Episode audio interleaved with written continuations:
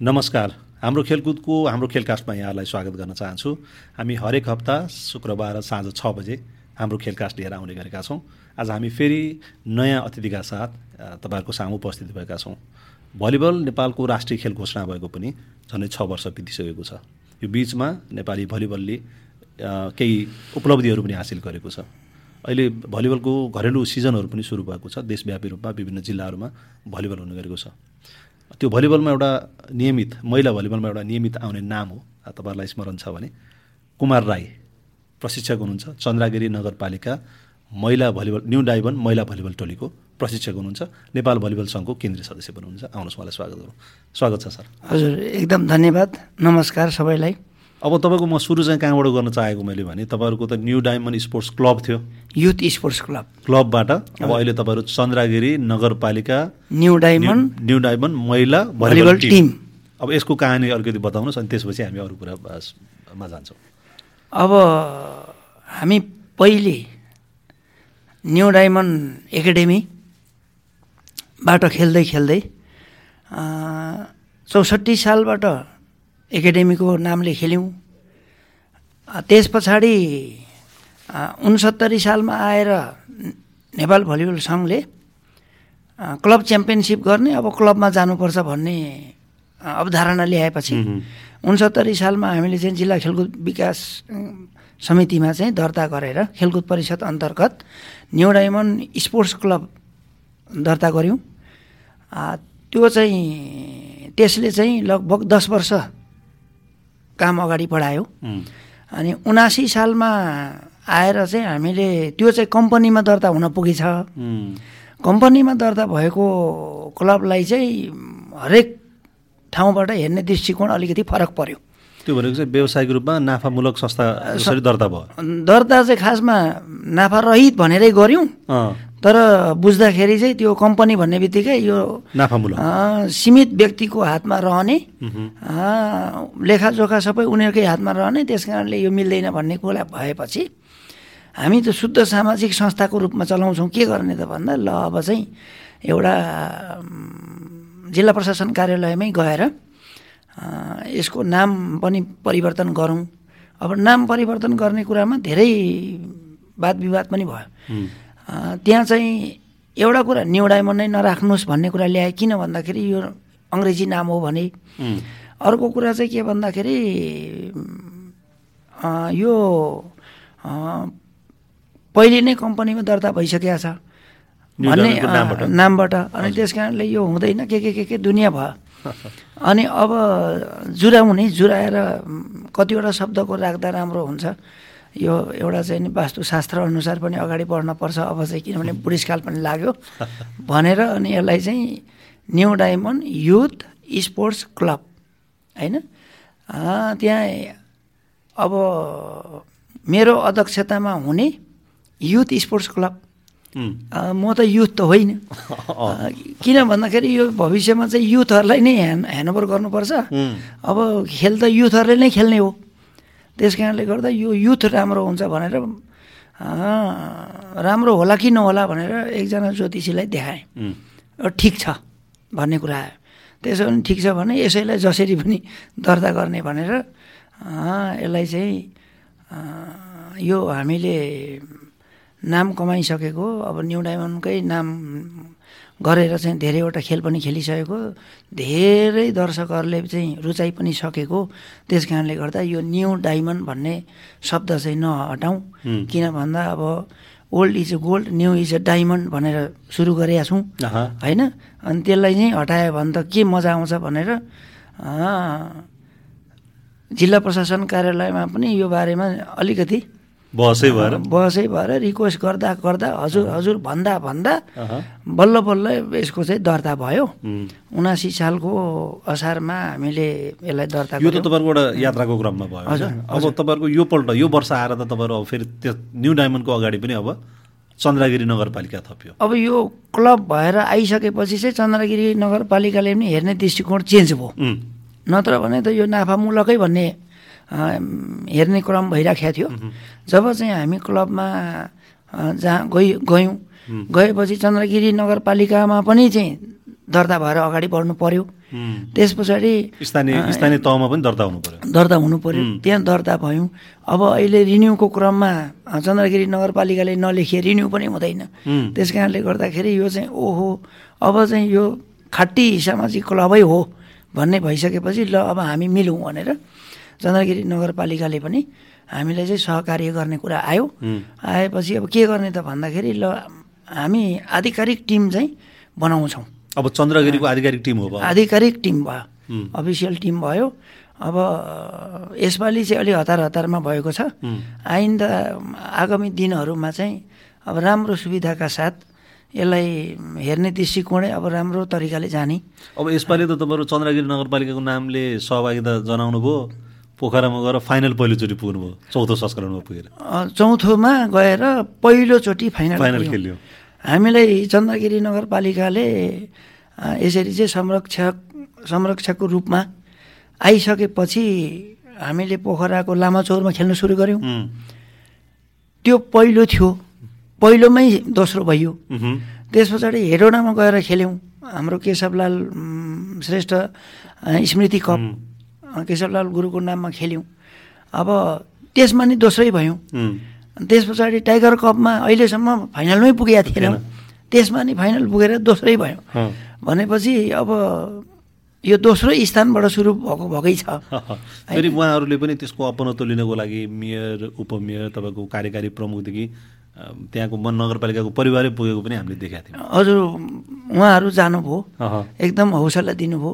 अब दुःख लाग्दो कुरा चाहिँ च्याम्पियन हुन सकिएन। च्याम्पियन हुन सकिएन। अब पहिलोचोटि तपाईँहरू फाइनल पुग्नु भनेपछि त अब नेक्स्ट टाइम हुँदाखेरि च्याम्पियन पनि त बन्नु होला नि। हजुर अब यो रोल क्रम नमिचिकन जाने जाने लेखिएको रहेछ कि के हो अब पक्का च्याम्पियन भइन्छ भनेर गएको हो। विश्वास हन्ड्रेडमा हन्ड्रेड थियो। तर कता के अब यो रोल क्रम नै मिचेर जानु हुँदैन भनेर माथिबाटै। फेरि यस्तो पनि छ नि त फेरि अब तपाईँहरूको मुख्य खेलाडी तपाईँहरूको क्याप्टेन भनेको त प्रतिभा माली पनि हो। एकदम। प्रतिभा मालीले त अब अहिले ट्रेनिङ गर्नु भएको छैन एसियन गेमबाट फर्केपछि। पटक्कै। रेगुलर ट्रेनिङमा हुनुहुन्न। अब खालि टिमसँग जाने भनेर मात्रै जानुभयो त्यहाँ गएपछि अब खेल्नुपर्ने पनि परिस्थिति बन्यो। परिस्थिति बन्यो। अब जसरी फेरि तपाईँहरू फाइनलसम्म पुग्नु भएको थियो त्यो फाइनलमा चाहिँ त्यो खालको तपाईँहरूको प्रदर्शन रहन सकेन जुन तपाईँहरूले अगाडि खेल्नु भएको थियो हामी एउटा दर्शकको रूपमा हेर्दा होइन हो। त्यो सही हो? एकदमै हो जुन खेल्दै आए अब त्यही खेल्दै जालान् भनेको त्यो दिन चाहिँ ब्रेक लाग्यो। अब अहिले त देशव्यापी तपाईँको भनौँ न अन्तर्राष्ट्रिय रूपमा पनि बाहिर बस्ने नेपालीले पनि होस् देशव्यापी रूपमा चाहिँ न्यु डायमन्डको एउटा चर्चा छ। होइन? भलिबलको कारणले तपाईँको चर्चा छ तपाईँको क्लबको चर्चा छ। भलिबलको कारणले तपाईँहरूको एउटा परिचय त छ छ होइन? तर अब मान्छेले देख्दाखेरि त यो सफलता यसै प्राप्त भयो होला भन्ने पनि छ कतिलाई। हो तर यसको इतिहास हेर्ने भने त यो त झन् पन्ध्र वर्ष अगाडि हामी फर्किनु पर्ने हुन्छ पर्ने हुन्छ होइन त? हजुर। अब त्यहाँबाट चाहिँ यात्राको सुरुवात गरौँ। तपाईँको अब पन्ध्र वर्षको यात्रा यो एकछिनको बसाइमा त सकिँदैन। तर छोटकरीमा भन्नु पऱ्यो भने चाहिँ पन्ध्र वर्षको यो यात्रालाई तपाईँले सम्झिनु पऱ्यो भने त अब अहिले त कपाल पनि झरिसक्यो। तपाईँले सुरु गर्दा त कपाल झरेको थिएन होला। अलिअलि झरेको थियो। सुरु भएको थियो होला। हो।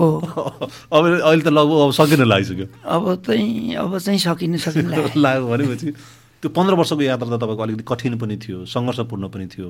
पहिला त अभिभावकहरूलाई तपाईँले चाहिँ कन्भिन्स गर्न पनि गाह्रो थियो होइन? अब त्यही नैकापमा तपाईँलाई चाहिँ पहिला त अभिभावकको प्रश्नै प्रश्न आउँथ्यो।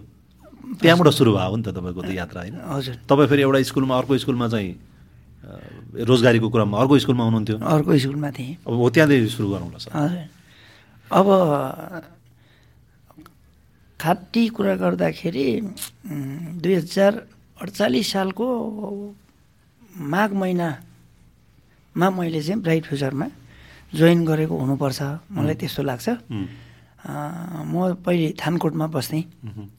अब थानकोट भनेको चाहिँ अहिले पनि मेरो गाउँघर मेरो दाजुभाइ खलक बसेको जस्तो लाग्छ मलाई। त्यहाँका थानकोट थानकोटका थानकोटेहरू भनौँ न थानकोटका बासिन्दाहरूले मलाई एक किसिमको यिनी हाम्रै आफ्नै मान्छे हुन् जस्तो व्यवहार गरेर राख्नु भएको थियो हुन त मेरो व्यवहारले पनि म काम पनि गरिदिन्थेँ सबै कुरा गरिदिन्थेँ उहाँहरूसँग एकदम राम्रो घोलमेलमा भएको थिएँ। अनि एकदम खाटी खाटी किसानहरूले मलाई चाहिँ यो खाटी किसान हो भनेर पनि भन्थे। अब मैले अब बेसरी मन जितेको थिएँ। अनि उहाँहरूले नै पढाउन सकिन्छ त कुमार सर भन्दा म पढाउन सक्छु। जुन बेला त्यति साह्रो अनुभव त होइन। तपाईँ त्यति बेला चाहिँ पढाउनु हुन्थेन पढा पहिले त्यहाँ जाँदा पढाउँदिनँ थिएँ। ए। जहाँ तपाईँ थानकोट बस्दाखेरिको कुरा बस्दा बस्दाखेरि सुरुमा पढाउँदिनँ थिएँ। अब के गरी समय बिताउने भन्ने कुरा भयो। अनि एउटै उपाय पढाउन सकिन्छ भने हामी बोर्डिङ स्कुलमा हाम्रो सम्पर्क छ। भनेर अलिकति मैले तपाईँलाई बिचमा रोकेँ। जस्तो त्यहाँ आइपुग्नुभन्दा अगाडि चाहिँ तपाईँको तपाईँको बसाइ भने शङ्खा तपाईँको जन्म। मेरो सङ्घ सभा जन्म हो। अहिलेको खाँदबारी खाँदबारीका खाँदबारी नगरपालिका वडा नम्बर पाँच। माल्टा भन्नेमा चाहिँ माइग्रेसन भएर गएको हो। खास गरी चाहिँ वडा नम्बर चार यता पाङमा। गैरी पाङमाको मूलवासी हुँ म। हामी जन्मेको ठाउँमा चाहिँ राई नै राई बसोबास भएको। त्यसमध्येमा म लामसुङ राई हो। के अरे चाहिँ नि क भनेर सरहरूले सिकाउँदा का भनेर हाम्रो चाहिँ टोन आउने। उच्चारण त्यसरी उच्चारण त्यसै हुने ठाउँमा जन्मिएको। पछि चाहिँ बुवाले त्यही नै भइराख्यो भने यो भाषाले नै अप्ठ्यारो पार्ला भनेर बुवाले चाहिँ नि अलिकति पर्तिर पर्तिर गर्दा गर्दै अब पाङमाबाट अलिपर्तिर मालमासे मालमासे भन्ने ठाउँबाट अलिपर्तिर माल्टा। अब माल्टामा चाहिँ नेवार र गुरुङ बस्ती भएको छेत्री बाहुन पनि बस्ती भएको। त्यहाँ सबै जात जाति बस्ती भएको। ए त्यो चाहिँ मिश्रित मिश्रित बस्तीमा लगेर राख्नुभयो। अनि मैले चाहिँ लगभग हाम्रो भाषा मैले त्यतिखेर सिकिनँ। किनभने सिक्ने बेलामा म त्यो ठाउँमा पुगेँ। पुगेपछि सानैमा? त्यो ठाउँमा पुगेपछि मैले यो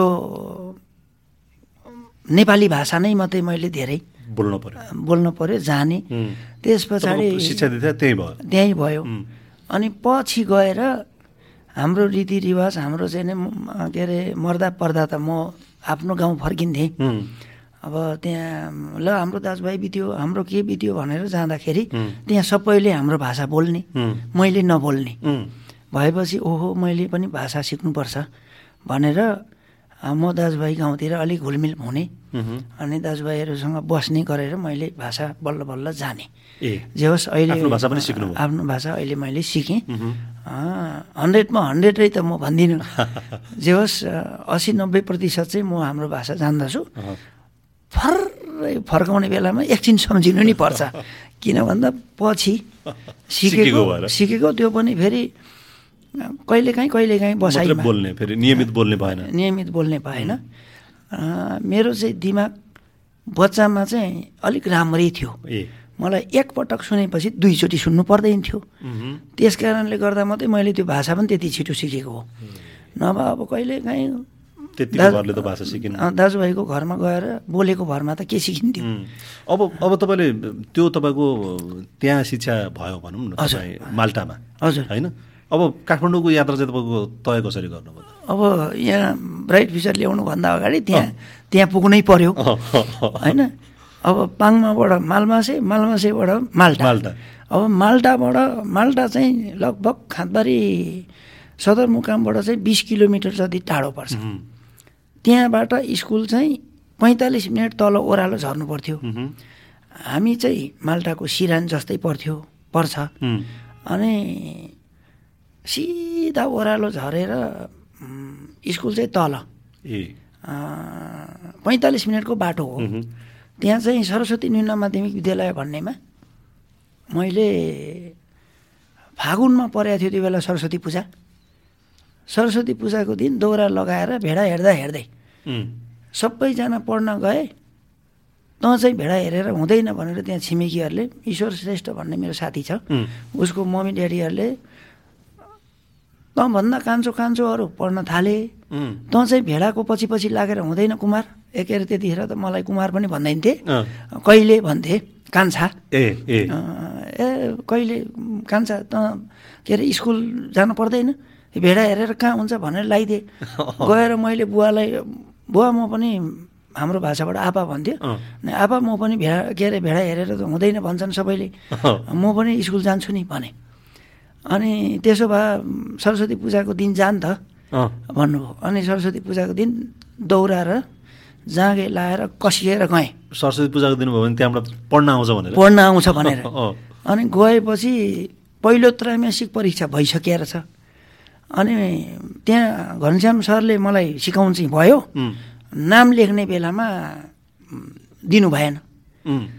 अनि यो त एक त्रैमासिकै गइसकेको छ। यतिखेर ढिलो भइसक्यो। यो सिक्नु चाहिँ सिक्दै गर्नु अब नाम लेख्नु चाहिँ मिल्दैन भन्ने कुरा आयो। युवराज घिमिरे सर चाहिँ त्यहीँ भरत घिमिरे भनेर तपाईँले जसलाई भेट्नुभयो उहाँहरूकै गाउँको उहाँहरूकै दाजुभाइ होला। अनि के अरे चाहिँ नि उहाँ त्यहाँ हुनुहुँदो रहेछ। कसको छोरा रे? भन्नुभयो मलाई। म मालमा चाहिँ कहीँ लगाएको भने। ए हाम्रो दाजुको छोरा पो रहेछ यो त भतिज। हुन्छ हुन्छ। त्यसो भनेर त्यहाँ चुडामणी नेपाल सरलाई सर यो केटो ठिक छ।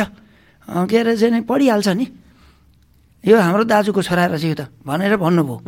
त्यसो भनेपछि युवराज घिमिरे सरको कारणले मैले भर्ना गर्न पाएँ। भर्ना गराइसकेपछि मलाई त्यहाँ म त अब अलिक ठुलो उमेर गइसकेको। कति वर्षको कुरा सर यो? अब लगभग म अब दस वर्ष पुगिसकेको थिएँ। राम्रैसँग जस्तो लाग्छ है मलाई। त्यो भएर मलाई जे जे सिकाउनु भयो त्यो कण्ठ भयो। कण्ठ भइसकेपछि मैले हानिएर गएर घरमा बुवालाई मैले यो यो सिकेँ यो यो आयो भने बुवा त अब ब्रिटिस आर्मी अब उहाँलाई इङ्ग्लिस नेपाली सबै आउने। ए त्यसो भने ल यसले पढ्ने पढ्छ कि क्या हो त तैँले? धेरै लामो समयसम्म तेरो मुख पनि आएको थिएन। अब मैले त आलु र आलु नै भन्नु नजान्ने मान्छे म। आलुको आलु मात्रै भन्ने आरुलाई पनि आलु भन्ने नि त।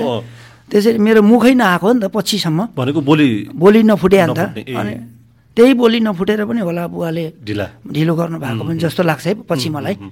अनि तेरो त बोली नै आएको थिएन। बोली आएपछि त यसले त राम्रै पढ्छ क्या हो पनि भन्नुभयो। अनि त्यो एबिसिडीहरू सबै सिकाउनु भयो। वान टू हन्ड्रेड सिकाउनु भयो। त्यहाँ अलिकति सिकेर गएको घरमा त्यही दिने वान टू हन्ड्रेड कण्ठ। एकदेखि सयसम्म कण्ठ। कह ग्या ग्या सबै कण्ठ।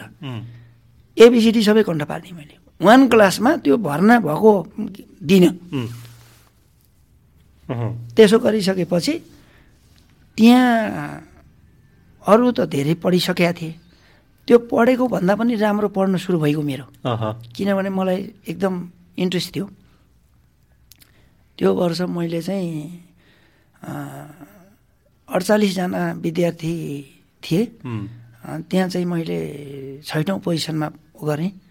त्यस पछाडि छैटौँबाट दोस्रोमा आएँ। दोस्रोबाट नेभर सेकेन्ड। म त्यहाँ त्यसरी भनेको अब तेस्रो कक्षादेखिबाट चाहिँ म सेकेन्ड हुनु परेन। सधैँ पहिलो? सधैँ पहिलो।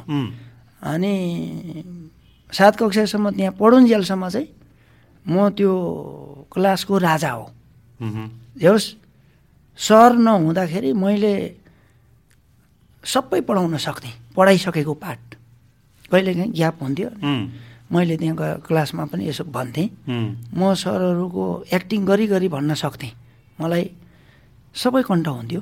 पेज पेज कण्ठ हुन्थ्यो मलाई। त्यो बेलामा चाहिँ किनभने म रहरले गएको परेँ। म करले गएको परिनँ। अनि भेडा चढाउने पनि चलिरहेको थियो? भेडा चाहिँ आमाले चढाउनु चढाउनु थाल्नु हो अब एउटा भ्ल्याटी भन्ने भेडा थियो।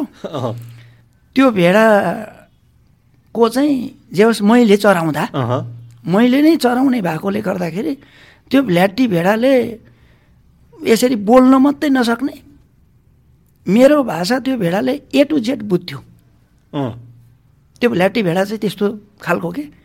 भ्ल्याटी भनेपछि भ्या आइज यहाँ। सबैले बटुले ल्याउँथ्यो। चुपो लाएर बस। ल यहाँ चर। चर्न थाल्थ्यो।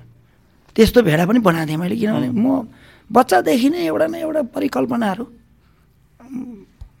छुट्टै किसिमले गर्थेँ कि? सानै बच्चादेखि यसरी गर्ने उसरी गर्ने। अब चराउनु लाँदाखेरि अब आफू खेल्नु पऱ्यो भने त्यो भेडालाई अलिक सताएर उयो गर्ने होइन? त्यस्तो त्यस्तो कामहरू गर्थेँ। गर्दाखेरि मैले राम्रो जे होस् पछि आर्थिक अवस्था पनि अब त्यति राम्रो थिएन भनौँ पाहाडको ठाउँमा। जग्गा जमिन अब के अरे चाहिँ नि अलिकति रुख। हो धेरै काम गर्नुपर्ने थोरै फल्ने। त्यस्तो भएकोले गर्दाखेरि दुःख दुःखै थियो। अनि दाईहरू दुईजना हुनुहुन्थ्यो मेरो। दुवैजना दाईहरू साई सेनामा जागिरे हुनुभयो। भइसकेपछि घरमा म एक्लो भएँ भनौँ न। सानैमा। उहाँहरू हिँडिहाल्नुभयो अनि घरको काम गर्नुपर्ने। अनि बुवाले कुमार अब घरमा कोही पनि छैन। हामी बुढाबुढी दुईजना छौँ आमा अलि बिरामी बिरामी हुनुहुन्छ। अब तैँले सात कक्षासम्म पढिस् होइन? सात कक्षा पास गरेपछि चाहिँ तैँले पढ्नु भ्याउँदैनस् है अब काम गर्नुपर्छ घरमा भन्नुभयो बुवाले मलाई। अब आर्थिक अवस्था पनि ठिक छैन भनेर भन्ने कुरा गर्नुहुन्थ्यो। मेरो मनमा चाहिँ के भइरहन्थ्यो भने म कुनै हालतमा पनि यो किसान हली गोरु मात्रै जोतिरहने भेडा मात्रै हेरिरहने गाई गोरु मात्रै चराइरहने यस्तो काम चाहिँ म म गरेर खाँदिनँ। होइन? बाबा आमाले जे गर्यो त्यही गरेर त काम हुँदैन। अब मैले चाहिँ फरक काम गर्नुपर्छ भन्ने मेरो मनमा थियो। योजना पनि छैन। सोचै छ। तर त्यो पेसा चाहिँ मैले गर्दिनँ। मनमा चाहिँ छ। मनमा चाहिँ छ। मैले बुवालाई पनि बुवा म त हली नै भनेर चाहिँ गर् खाँदिनँ। किनभने हेर्नुहोस् यो आँखाले देखेको जति जग्गा जमिन एक मुरी बिउको धान रोप्यो दस मुरी फल्यो भने राम राम राम राम धेरै फल्यो भन्ने। छ मुरी सात मुरी फल्छ। के काम लाग्छ? त्यो यस्तो दुःख गरेर हुन्छ। आपा यो हुँदैन। भन्ने म त्यो बच्चामा है अनि त्यसो भनेर कहाँ हुन्छ त? अब के गर्नु त त्योभन्दा अरू भन्ने कुरा गर्नुहुन्थ्यो। त्यसो त्यसो हुँदा हुँदै ठ्याक्कै मेरो अलिकति आठ कक्षा पढ्ने मैले मौका पाएँ। कसरी पाएँ भन्दा मलाई त्यहाँ सेभेन क्लासमा साह्रै राम्रो नम्बर ल्याएर मैले चाहिँ नि पास गरेँ। त्यति बेलाको लग लगभग जिल्ला टपको नम्बर हो मेरो। अब ninety seven ninety eight ninety six यस्तो नम्बर मात्रै थियो मेरो। त्यो मार्कसिट अहिले सम्झिन्छु मैले फोटो खिचेर राख्नुपर्ने थिएन। होइन? त्यस्तो मार्क्स त मैले कहिले ल्याउनै सकिनँ। त्यस्तो राम्रो मार्क्स ल्याएर मैले पास गरेँ। त्यो पास गरिसकेपछि मलाई दुई सय पैँतालिस रुपियाँ पैसा दिएको थियो। त्यो चाहिँ स्कुलले? स्कुलले। त्यो पुरस्कार। त्यो दुई सय पैँतालिस रुपियाँ चाहिँ मलाई माने भन्ज्याङ। माने भन्ज्याङमा गएर युवराज घिमिरे सरको गाउँमा। त्यहाँको स्कुल महेन्द्र प्रस्ताविक माध्यमिक विद्यालय। प्रस्तावित माध्यमिक विद्यालय बनिँदै थियो। भर्खर चाहिँ नौ क्लासमा पुर्याइँदै थियो। म आठ क्लासमा आउनुपर्ने। त्यो विद्यालयमा नाम लेख्नु त्यतिखेर त सरकारी स्कुलमा पनि पैसा दिनु पर्थ्यो त्यो पैसाले नाम लेख्नु सबै कुरा गर्नु पुग्ने। कपी किताब किन्न पुग्ने। जम्मै पुग्ने। दुई सय पैँतालिसले सबै काम चल्ने भएपछि अब मै मलाई बुवाले नपठाए पनि। म मेरै पैसाले सक्षम भएँ नि त। त्यसो भएपछि म सिधा माने भन्ज्याङमा गएर सर म भर्ना गर्न आएको यहाँ। म पढ्न चाहन्छु भनेर भने। अनि त्यतिखेर मेरो कर्ली कर्ली कपाल भनेको अलिकति लामो भयो भने भेडा भेडाकै जस्तो मेरो मासतिर जान्छ कपाल सबै। अहिले नि अब अलिकति लामो भयो कि मासतिर फर्किहाल्छ। अनि सबै मासतिर फर्केको गुन गुन्द्रुके कपाल भएको एउटा लामो लामो कपाल भएको केटा आयो भनेर त्यहाँ चाहिँ एउटा हल्ली खल्ली पनि भयो। म सिधै गएर म पढ्न चाहन्छु सर। यस्तो यस्तो हो भनेपछि। अनि सबै कुरा भयो। अनि भर्ना गर्ने काम पनि भए किताब किन्न खाँदबारी जानु पर्थ्यो आइपुगेको रहेनछ म आएको भए त्यो पनि किताब पनि किनेर जान्थेँ। अनि भर्ना सर्ना गरेर गएँ अनि बुवालाई गएर अब मैले भर्ना गराएँ। कहाँ? माने भने अ कसरी पढ्ने त? होइन म यहाँ जोत्ने सोध्ने खन्ने सन्ने काम भ्याएर होइन बिहानभरि काम सघाइहाल्छु। के अरे चाहिँ नि यो खेतीपातीको काममा तपाईँहरूलाई सघाएपछि त भइहाल्यो नि। ल त्यसो हो नि तैँले यो जोत्ने काम चाहिँ मैले गर्दिनँ। सबै तैँले गर्नु। ओके। बिहानभरि जोत्छु। गइहाल्छु नि। त्यो चाहिँ माने भने चाहिँ कति टाढा तपाईँहरूकोबाट? अब झन्नै डेढ घन्टा। बिस्तारै हिँड्यो भने त डेढ घन्टा त मजाले लागिहाल्छ। डेढ घन्टाभन्दा पनि धेरै लाग्छ नि बिस्तारै हिँड्दाखेरि। अनि के थियो भने हाम्रो घरबाट सिधा तल झर्ने ओह्रालो जङ्गलै जङ्गल जङ्गलै जङ्गल ओह्रालो झर्ने। अनि ओह्रालो गएपछि तेर्सो तेर्सो तेर्सो तेर्सो तेर्सो तेर्सो जानुपर्ने। अनि त्यस पछाडि खेत आउने। जे होस् त्यो जङ्गलको बाटो पाङमा खोलासम्म झर्नु र पाङमा खोलादेखि पर मालमासे भन्ने खेत आउनुसम्म चाहिँ बिस्तारै हिँड्नु नहुने बर्खाको मासमा। किन नहुने भन्दाखेरि जुकाले जुका आइहाल्छ त्यो जुकाले नभेट्ने गरी कुद्नु पर्ने क्या। त्यसरी कुदेपछि चाहिँ त्यो स्पिडले गर्दा पनि जे होस् माने भने पढ्नलाई। अब त्यो तपाईँ आठ नौ दस त्यहाँ पढ्नु? आठ त्यहाँ आएर पढेँ। आठ कक्षामा आइसकेपछि चाहिँ म परिवर्तन भएँ। पढाइमा मेरो हन्ड्रेडमा हन्ड्रेड ब्रेक लागेको मान्छु मैले अहिले सम्झिँदाखेरि। किन भन्दाखेरि जब म माने मानेमा पढ्न आएँ भर्ना गरेँ त्यो किताब किनेँ किताब किनेर किताब हेरेँ त्यो किताब हेर्दाखेरि मेरो लागि कुनै अप्ठ्यारो परेन। त्यति बेला मलाई म्याथमेटिक्स चाहिँ टिका खनाल सरले पढाउनुहुन्थ्यो उहाँ भर्खर नाचल क्याम्पसबाट पढेर जानुभएको। अनि मैले उहाँलाई जहिले ऱ्याखऱ्याख बनाउँथेँ। अनि उहाँले जहिले पनि अब यो चाहिँ अलि माथि आठ कक्षामा गएर पढ्नुपर्छ अहिले यति पढाइ हुन्छ। कुमार भन्नुहुन्थ्यो जहिले पनि। होइन अलि पढाइ पढाउनु न मलाई। भन्थ्यो त्यो भन्दा भन्दा त्यो कारणले गर्दाखेरि पनि मलाई म्याथमेटिक्स आएर एट क्लासमा पढ्ने बेलामा पढ्नुपर्छ जस्तो पनि भएन। इङ्ग्लिसमा त म ब्रिटिस आर्मीको छोरो मैले त्यतिखेर एक किसिमले चुडामणी सरलाई धुर्कै रुवाएरै मैले त्यो डिक्सनरी नै कन्ट्री गरेको थिएँ। म त्यो बाटो हिँड्ने कुहिरेसँग फर्र कुरा गर्न सक्थेँ। त्यो भएर त्यो पनि पढ्न परेन मलाई। अनि मैले के सोचेँ भने अब किताब त जानिहालेको विषय रहेछ। घरमा बसौँ भने बिहानदेखि बेलुकासम्म गुरु जोत्नुपर्छ खन्नुपर्छ। योभन्दा त स्कुल जानु ठिक छ। स्कुलमा पढौँ भने किताब लगभग कन्ठै छ। के गर्ने? भनेपछि स्कुल जाने त्यति क्लासमा नबस्ने। कहिले कता जाने कहिले कता जाने कहिले भलिबल खेल्न जाने सर भन्ने। मैत्रीपूर्ण भलिबल खेल्न कता जाने के गर्ने अनि एब्सेन्ट कम्ती हुने। ए के अरे प्रेजेन्ट कम्ती हुने। अर्धवार्षिक परीक्षा फर्स्ट। त्यही मान्छे एब्सेन्ट धेरै। त्यही मान्छे फर्स्ट। वार्षिक परीक्षा फर्स्ट। त्यही मान्छे एब्सेन्ट। त्यस पछाडि मेरो जिन्दगीको जिन्दगीमा फेरि अर्को टर्निङ पोइन्ट आयो। होम कुमार ढुङ्गाना सर आएर ऐ कुमार भन्नु हजुर। यता आइज भन्नु हस् गएँ। गएपछि त्यहाँ हामी पाउडरनी पाउडरनी भन्थ्यौँ। दिदी बहिनीले चलाउनु भएको थियो। पाउडरनी दिदीको होटेल थियो।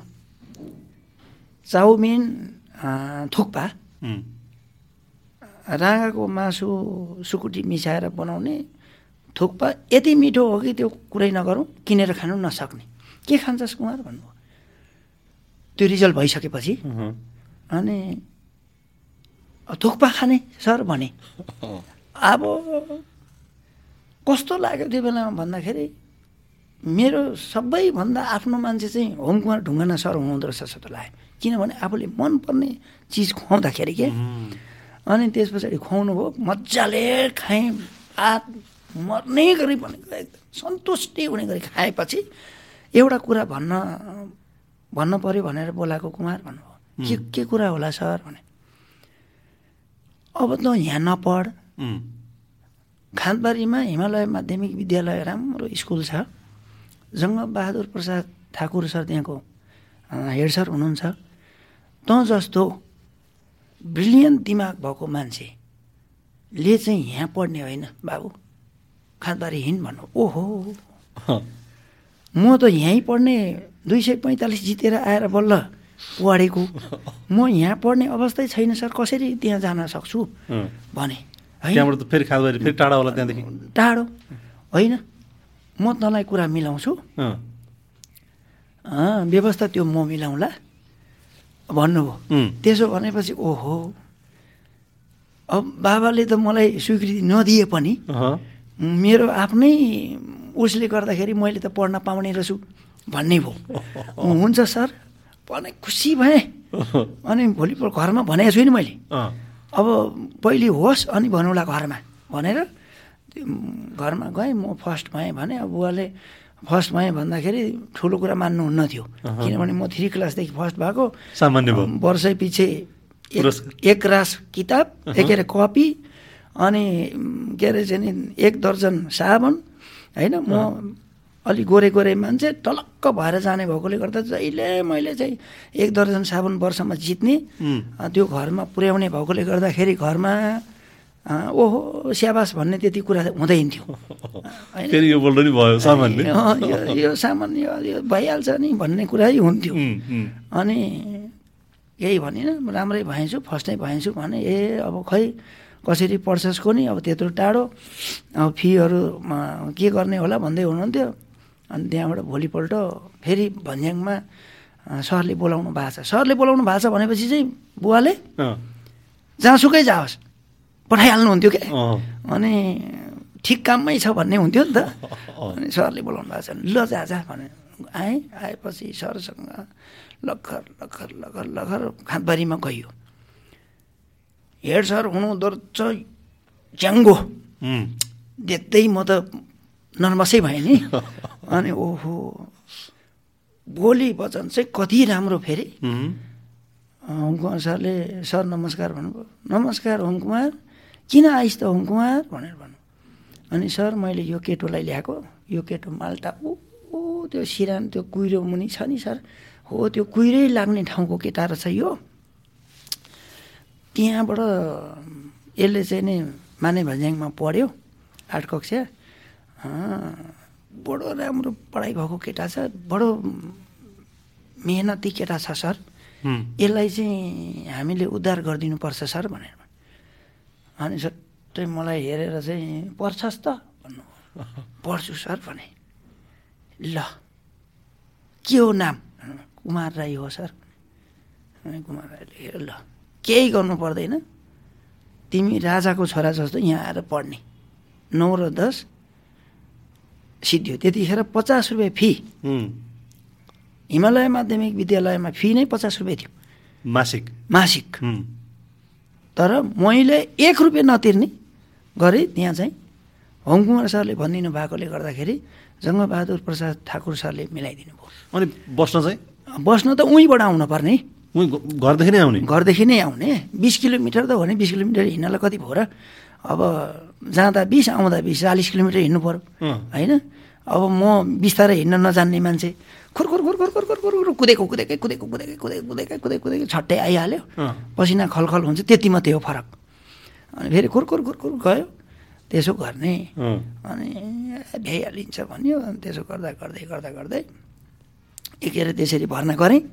अब सबै कुरा केही गर्नु परेन। अनि त्यस पछाडि घरमा गएर बुवालाई आपा मैले त खाँदबारीमा नाम लेखाएर आएँ भने कसरी पढ्ने त्यो खाँदबारीमा होइन मलाई सरले सबै व्यवस्था गरिदिनु भयो। केही पनि नलाग्ने भयो। म यहीँ मेरो काम मेरो ड्युटी सबै गर्छु। माल्टामा पढ्दा जे गरेको थिएँ माने भन्ज्याङमा पढ्दा पनि त्यसै काम गरेँ। खाँदबारी पढ्दा पनि म त्यस्तै काम गरेपछि त भइगयो नि। भनेपछि के भन्नु न के भन्नु? खै के के गर्छस् अब के के अब तैँले यहाँ घरमा काम कसले भ्याउने होइन मै भ्याउँछु। अब त्यहाँबाट चाहिँ हरेक पाँच बजे चार बजे उठ्ने गोरुलाई घाँस हाल्ने छ बजे गोरु नारिसक्ने जोत्न थालिसक्ने अनि पाउने आठतिर गोरु फुकाएर के अरे किलोमा लगेर बाँधिदियो अनि यसो घाँस घाँस अलिकति हाल्यो। जस पाँच मिनटभित्रमा के अरे चाहिँ उयो खुट्टा सुट्टा धुयो। अनि पाँच मिनटमा खाना खाइसक्यो। अनि लुगा त एकै मिनटमा फेर्थेँ मैले। फ्याट फ्याट लगायो सर्ट र हाफ प्यान्ट मात्रै हो। चप्पल लाउने त हो। अनि केही गर्नु पर्ने थियो। जुत्ता लगाइरहनु पर्दैन थियो। जुत्ताको चलाउने मैले जुत्तै देखाएको थिइनँ। होइन? चप्पल लगाएर गुटु टुटु कुदेको कुदेको कुदेको कुदेको कुदेको कुदेको कुदेको। सट्टै स्कुल पुग्यो।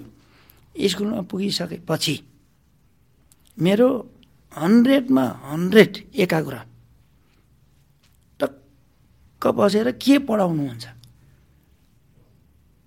त्यो चाहिँ एदेखि जेठसम्म कण्ठ हुन्थ्यो मलाई। म घरबाट स्कुल जाँदा कोहीसँग मेरो बोल्ने फुर्सद हुँदैन केही अर्को कुरा सम्झिने फुर्सद हुँदैन। फुर्सद हुन्छ खालि त्यो किताब पल्टाउने किताब कण्ठ गर्ने। किन भन्दा लामो बाटो छ। त्यो बाटोभरि पढ्न पाइन्छ। मेरो पढ्ने टाइम भनेको त्यो। त्यस पछाडि स्कुलमा आएर टक्क बस्यो मजाले सुन्यो के के पढाउनुहुन्छ। अनि फर्किँदाखेरि बाटोमा सम्झिँदै सम्झिँदै सम्झिँदै सम्झिँदै सम्झिँदै सम्झिँदै सम्झिँदै कुद्ने। फर्स्ट पिरियडमा यो पढाउनु भएको थियो सेकेन्ड पिरियडमा यो पढाउनु भएको थियो थर्ड पिरियडमा यो पढाउनु फोर्थ पिरियडमा यो पढाउनु यसो यसो बनाइदियो यसो भन्दै भन्दै भन्दै भन्दै भन्दै दौडेर घर पुग्यो। घरमा कामहरू गऱ्यो सबै गऱ्यो अब झमक्कै रात पर्छ। अनि त्यस पछाडि अब बुवाले लेक्चर गर्नुहुन्छ। खाना खाइसकेपछि ओ अगेनाको वरिपरि त्यहाँ त अब बिचमा आगो बाल्ने वरिपरि बस्ने अनि ल कुमार भोलि त्यो फलानु यति यति चाहिँ जोतिसकै। भन्नुहुन्थ्यो हस् भन्यो अनि सुत्नु गयो। त्यहाँतिर छिमेकीहरू मभन्दा जुनियरहरू भाइहरू आउँथे पढ्नलाई टुकी बत्तीमा अनि उनीहरूलाई यसो सिकाइदिन्थेँ मैले। किनभने मलाई चाहिँ मेरो क्लासदेखि मुनिको चाहिँ ए टु जेटै आउँथ्यो कि। त्यो भएर यसो सिकाउने पनि गर्दै एकछिन सिकाइदियो सुत्यो भोलिपल्ट दैनिकी त्यसो गर्दा गर्दै। हेड सरले मलाई एक दिन के भन्नुभयो भने यो कुमार कुदेको कुदेकै गरेर स्कुल आउँछ कुदेको कुदेकै गरेर घर जान्छ। कहिले यसले पर्छ? भन्नुहुन्थ्यो कि? अनि बाटोतिर पढ्छु सर अलिअलि भनेर भन्थेँ मैले। त्यसो गर्दा गर्दै अब म फर्स्ट हुन नसके पनि कतै काहीँ विषय लाग्ने काम हुँदैन थियो मेरो। र मैले लेख्ने काम चाहिँ भ्याउँदिनँ थिएँ। किनभने घर पुग्दा रात पर्छ उजेलो हुँदा काम गर्नु पऱ्यो त्यस पछाडि पढ्न आइहाल्नु पऱ्यो अनि विद्यालयमा आएर सुन्ने गर्दा मेरो ह्यान्ड पनि त्यति राम्रो नहुने। स्पिड पनि नहुने यस्तो यस्तो कम कमजोरी भयो राम्रै भयो। पछि मैले अब एसी एसएलसी त्यो बेलाको एसएलसी दिएँ। एसएलसी दिँदाखेरि पनि मैले शानदारका साथ दिएको। एउटा हाफेन्ट लगाएँ सर्ट मात्रै लगाएँ। मलाई सबैले देखाउनु थियो चिट चोडेर पास गर्ने होइन। आफूले पढेको सन्तोषजनक लेखेर पास गर्नुपर्छ भनेर म त्यसरी गएँ। परीक्षा हलमा पनि राम्रैसँग जाँच दिएँ। पास गर्छु मलाई थाहा थियो। त्यस पछाडि चाहिँ अब यो के अरे चाहिँ नि फेरि घरमा बस्यो भने काम गर्नु परिहाल्छ। अब आफूले सेभेन क्लाससम्म पढेको स्कुलमा स्वयंसेवक काम गर्छु। बुवालाई भनिहाल्छु मलाई त त्यहाँ पढाउनु बोलाउनु भयो जान्छु है भन्छु। भनेपछि त बुवाले पठाइहाल्नुहुन्छ पठाएपछि म काम गर्नबाट फेरि सेफ भएँ अलिक दिउँसो काम गर्नबाट। फेरि त्यसो भनेर अब कुरा मिलाएँ आफैले गएर सर म फुर्सद छु पढाउँछु है सर भने अब फर्स्ट फर्स्ट बोय पहिलेको हुन्छ हुन्छ कुमार आइज आइज भन्नु ईश्वर श्रेष्ठ र म दुईजना गयो। पढाएँ। अनि पढाएपछि अब मैले त काठमाडौँ आउने सपना त देखाएको छैन। तर मलाई मेरो साथीले एक वर्ष होल्ड गरेर ऊ त्यही वर्ष हिँड्नुपर्ने काठमाडौँ तँलाई लान्छु कुमार भनेर त्यो ईश्वर श्रेष्ठ भन्ने चाहिँ मलाई पर्खेर बसिरहेछ। हाम्रो योजना छ होइन? कसैलाई हल्ला नगरिकन टाप दिनुपर्छ भनेर। अनि ठक्कै मैले नि पास गरेँ। पास गर्ने त थाहा छ नि त। असार लाग्ने असारको भूमिराज एक दिन डुल्ने नौ गते बढी बाट चाहिँ जहिले पनि हिलो आली सुरु गर्ने खेत रोप्नु। साउनको सत्र अठार गते मैझारो यो चाहिँ हरेक वर्षको। असार नौ गतेदेखि साउनको सत्र अठार गतेसम्म लगातार खेत रोप्ने भनेपछि कति रोपिन्थ्यो होला? तर दस मुरीको लागि। त्यो चाहिँ काठमाडौँ जस्तो मधेस जस्तो ठाउँमा रोप्ने हो भने दुई सय तिन सय मुरी फल्थ्यो होला। तर त्यहाँ दस मुरी फल्ने। अनि त्यस्तो जग्गामा बसेर भयो त भएन। म त अखण्ड योजना बनाउनु परिरहेछ। अनि त्यहाँबाट चाहिँ बुवालाई एकदम खुसी पार्नुपर्छ भन्ने मेरो पहिलो। बुवालाई खुसी पारेँ।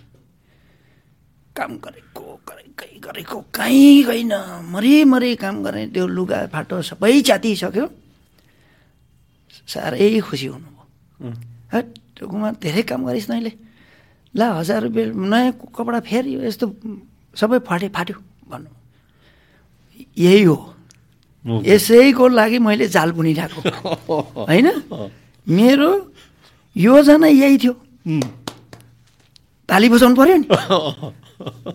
भोलिपल्टै हजार रुपियाँ लिएर टिकट काट्नु कुदिहालेँ। ईश्वर जाउँ जाउँ पैसा पाइसकेँ मैले।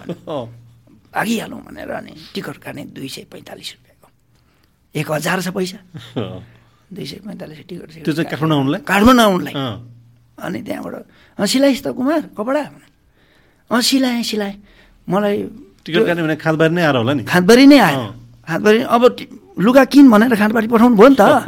लुगा किन्ने ठाउँ खाँदबारी हुन्छ भनेर आएको। तर लुगा नकिनेर? लुगा किन्ने त मेरो विचारै होइन। बुवा खुसी भएर त्यसो गर्नुहुन्छ। मलाई थाहा छ किनभने उहाँ ब्रिटिस आर्मीको लाउरे लाउरे त्यो त पाइहालिन्छ। योजना सफल। आयो टिकट काट्यो फर्केर गइयो। अनि कहिले लिन आइज भनेको छ भने त्यो टिकट जुन दिन्छ त्यही दिन आइज भनेछ अनि फलान दिन आइज भने। अनि जस्तो लुगा छ त्यस्तै लुगामा चप्पलमै हिँड्ने अब त्यहाँ त थाहा दिनु भएन। घरमा त। अनि म हिँडेँ आपा लुगा लिएर आउँछु भने टाप। प्लेन चढेर सुइँ एयरपोर्ट ओर्लिँदा त प्लेनको टिकट प्लेन पैँतालिसमा दुई सय पैँतालिसमा त्यो बेला अरू पैसा त सबै छ नि अनि त्यहाँबाट अब साथी छ नि त ईश्वर श्रेष्ठ उसको त सबै आफ्नो मान्छे एयरपोर्ट छेउतिरै बस्छ उसँग छु नि त म अनि उसले ठक्क आयो ओहो कहाँ आइयो त यो त के हो गाडी गाडी एकछिन त म छक्कै पनि परेँ अनि उसले उसको साथीको के अरे साथीको आफ्नो मान्छेकोमा गइयो बस्यो। अनि त्यहाँ बसेर त हुँदैन। मेरो मितै राजेन्द्र पोखरेल भन्ने हुनुहुन्थ्यो। त्यहाँ सम्पर्क गरेँ। दाजु म यहाँ आएको छु भने। ए कहाँ? आइज आइज बागबजारमा बस्नुहुन्थ्यो अनि त्यहाँ गएँ। गएपछि दाइले हतार हतार बाबुलाई भनेछस्? भागेर आएको भागेर आएको। अनि आवा गरेर बुवा कुमार मेरो साथमा छ। धन्दा नमान्नु। अहिलेको उसमा अब पढ्नुपर्छ केटोले ठिक गर्यो यहाँ आएको छ है भनेर राजेन्द्र दाजुले आवा पठाइदिएपछि बाबुले आवा पढ्नुभयो पछि कहाँ अब फेरि मेरो बानी के थियो भने अब एकातिर जान्छु भनेर एकातिर हिँड्ने। हिँडेपछि टन्नै हिँड्ने। यो कहीँ गयो होला? दुई चार दिन अब लुगा किन्न गएको त्यता त्यतै कता गयो होला भनेर भन्डान्नु भयो म काठमाडौँ। आवा पढेपछि ए अब लो अचम्मै भयो। पुत्नी छोराले भन्छ। त्यस पछाडि त्यहाँबाट ल अब पेन्सन आएको बेलामा अलिअलि पैसा पठाइदिन्छु त्यही पैसाले पढ्लास्। धेरै पैसा पठाउनु सक्दिनँ। पैसा सापट्टि चाहिँ अरूलाई नदिनु। भन्ने कुरा चाहिँ गर्नुभयो। आवामा आवामा चिठीमा यस्तो भन्ने कुरा गर्नुभयो अनि ठिकै छ भने अब के को पैसा सापट्टि दिनु? होइन? पैसा यति छ। भन्ने सोचेँ मैले। अनि त्यो चाहिँ बुवाले अब भोग भोगेर भन्नुभएको रहेछ। अनि त्यस पछाडि त राम्रो भयो। साथीसँग बसेँ उ गरेँ ठिकै भयो बागबजारमा एकजना भोजपुरको राईसँग फेला पर्यो। गोरे गोरे राई रहेछ कता हो? मेरो अब आमाले मामली खास गरी पुर्खोली मामली घर चाहिँ छिनामखुको छिनामखु भोजपुरको छिनामखु हो भन्नुहुन्थ्यो छाङछा बान्तावा राई भन्नुहुन्थ्यो अनि त्यहाँ त्यो एकजना राईसँग भेट भयो। के हुनुहुन्थ्यो मैले वास्तविकता बुझिनँ बुझेको छैन।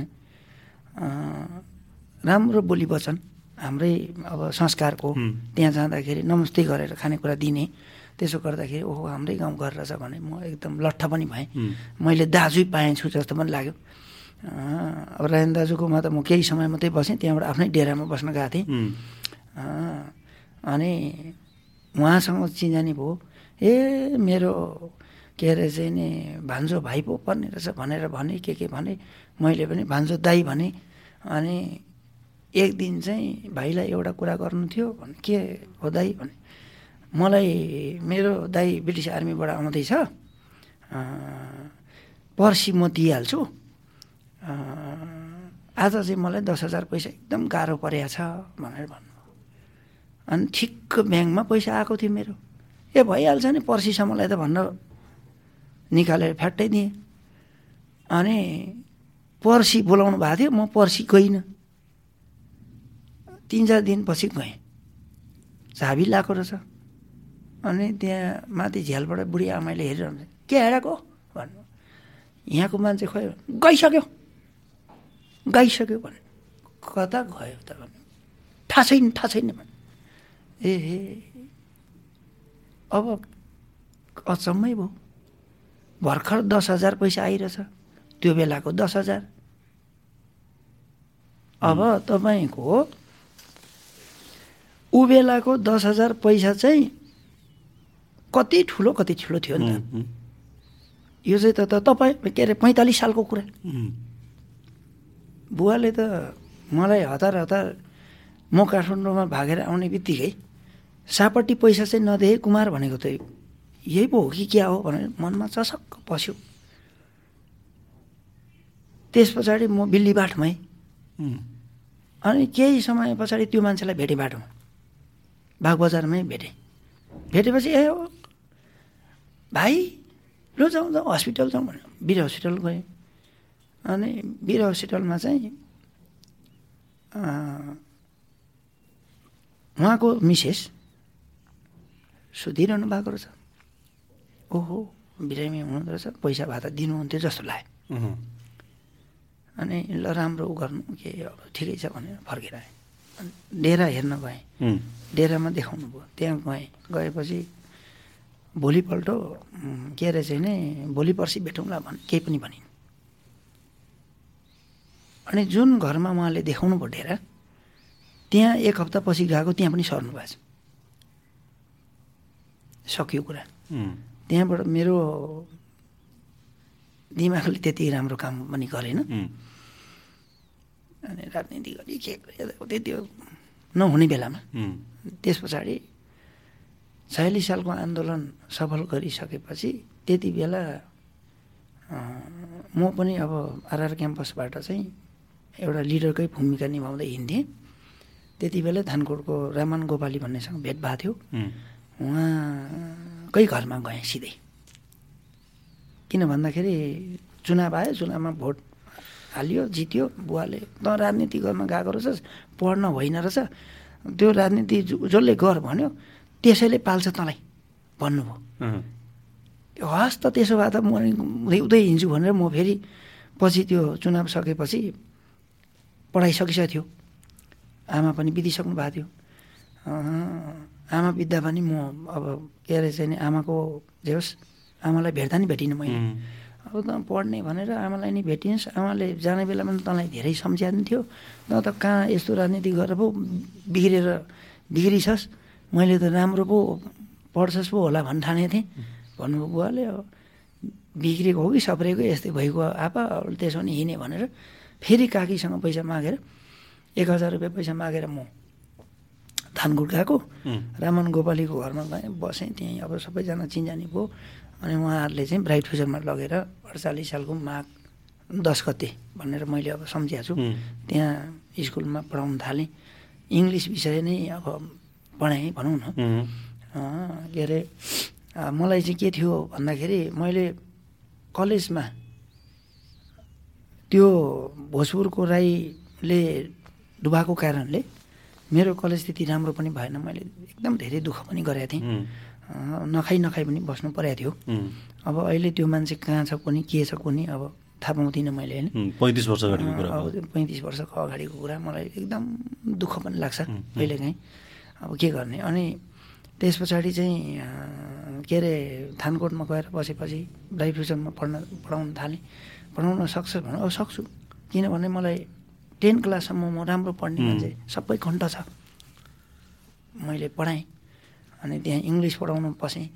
अब पढाउँदै गइसकेपछि सुरु सुरुमा त अब त्यति राम्रो त के हुन्थ्यो? ठिकै भयो।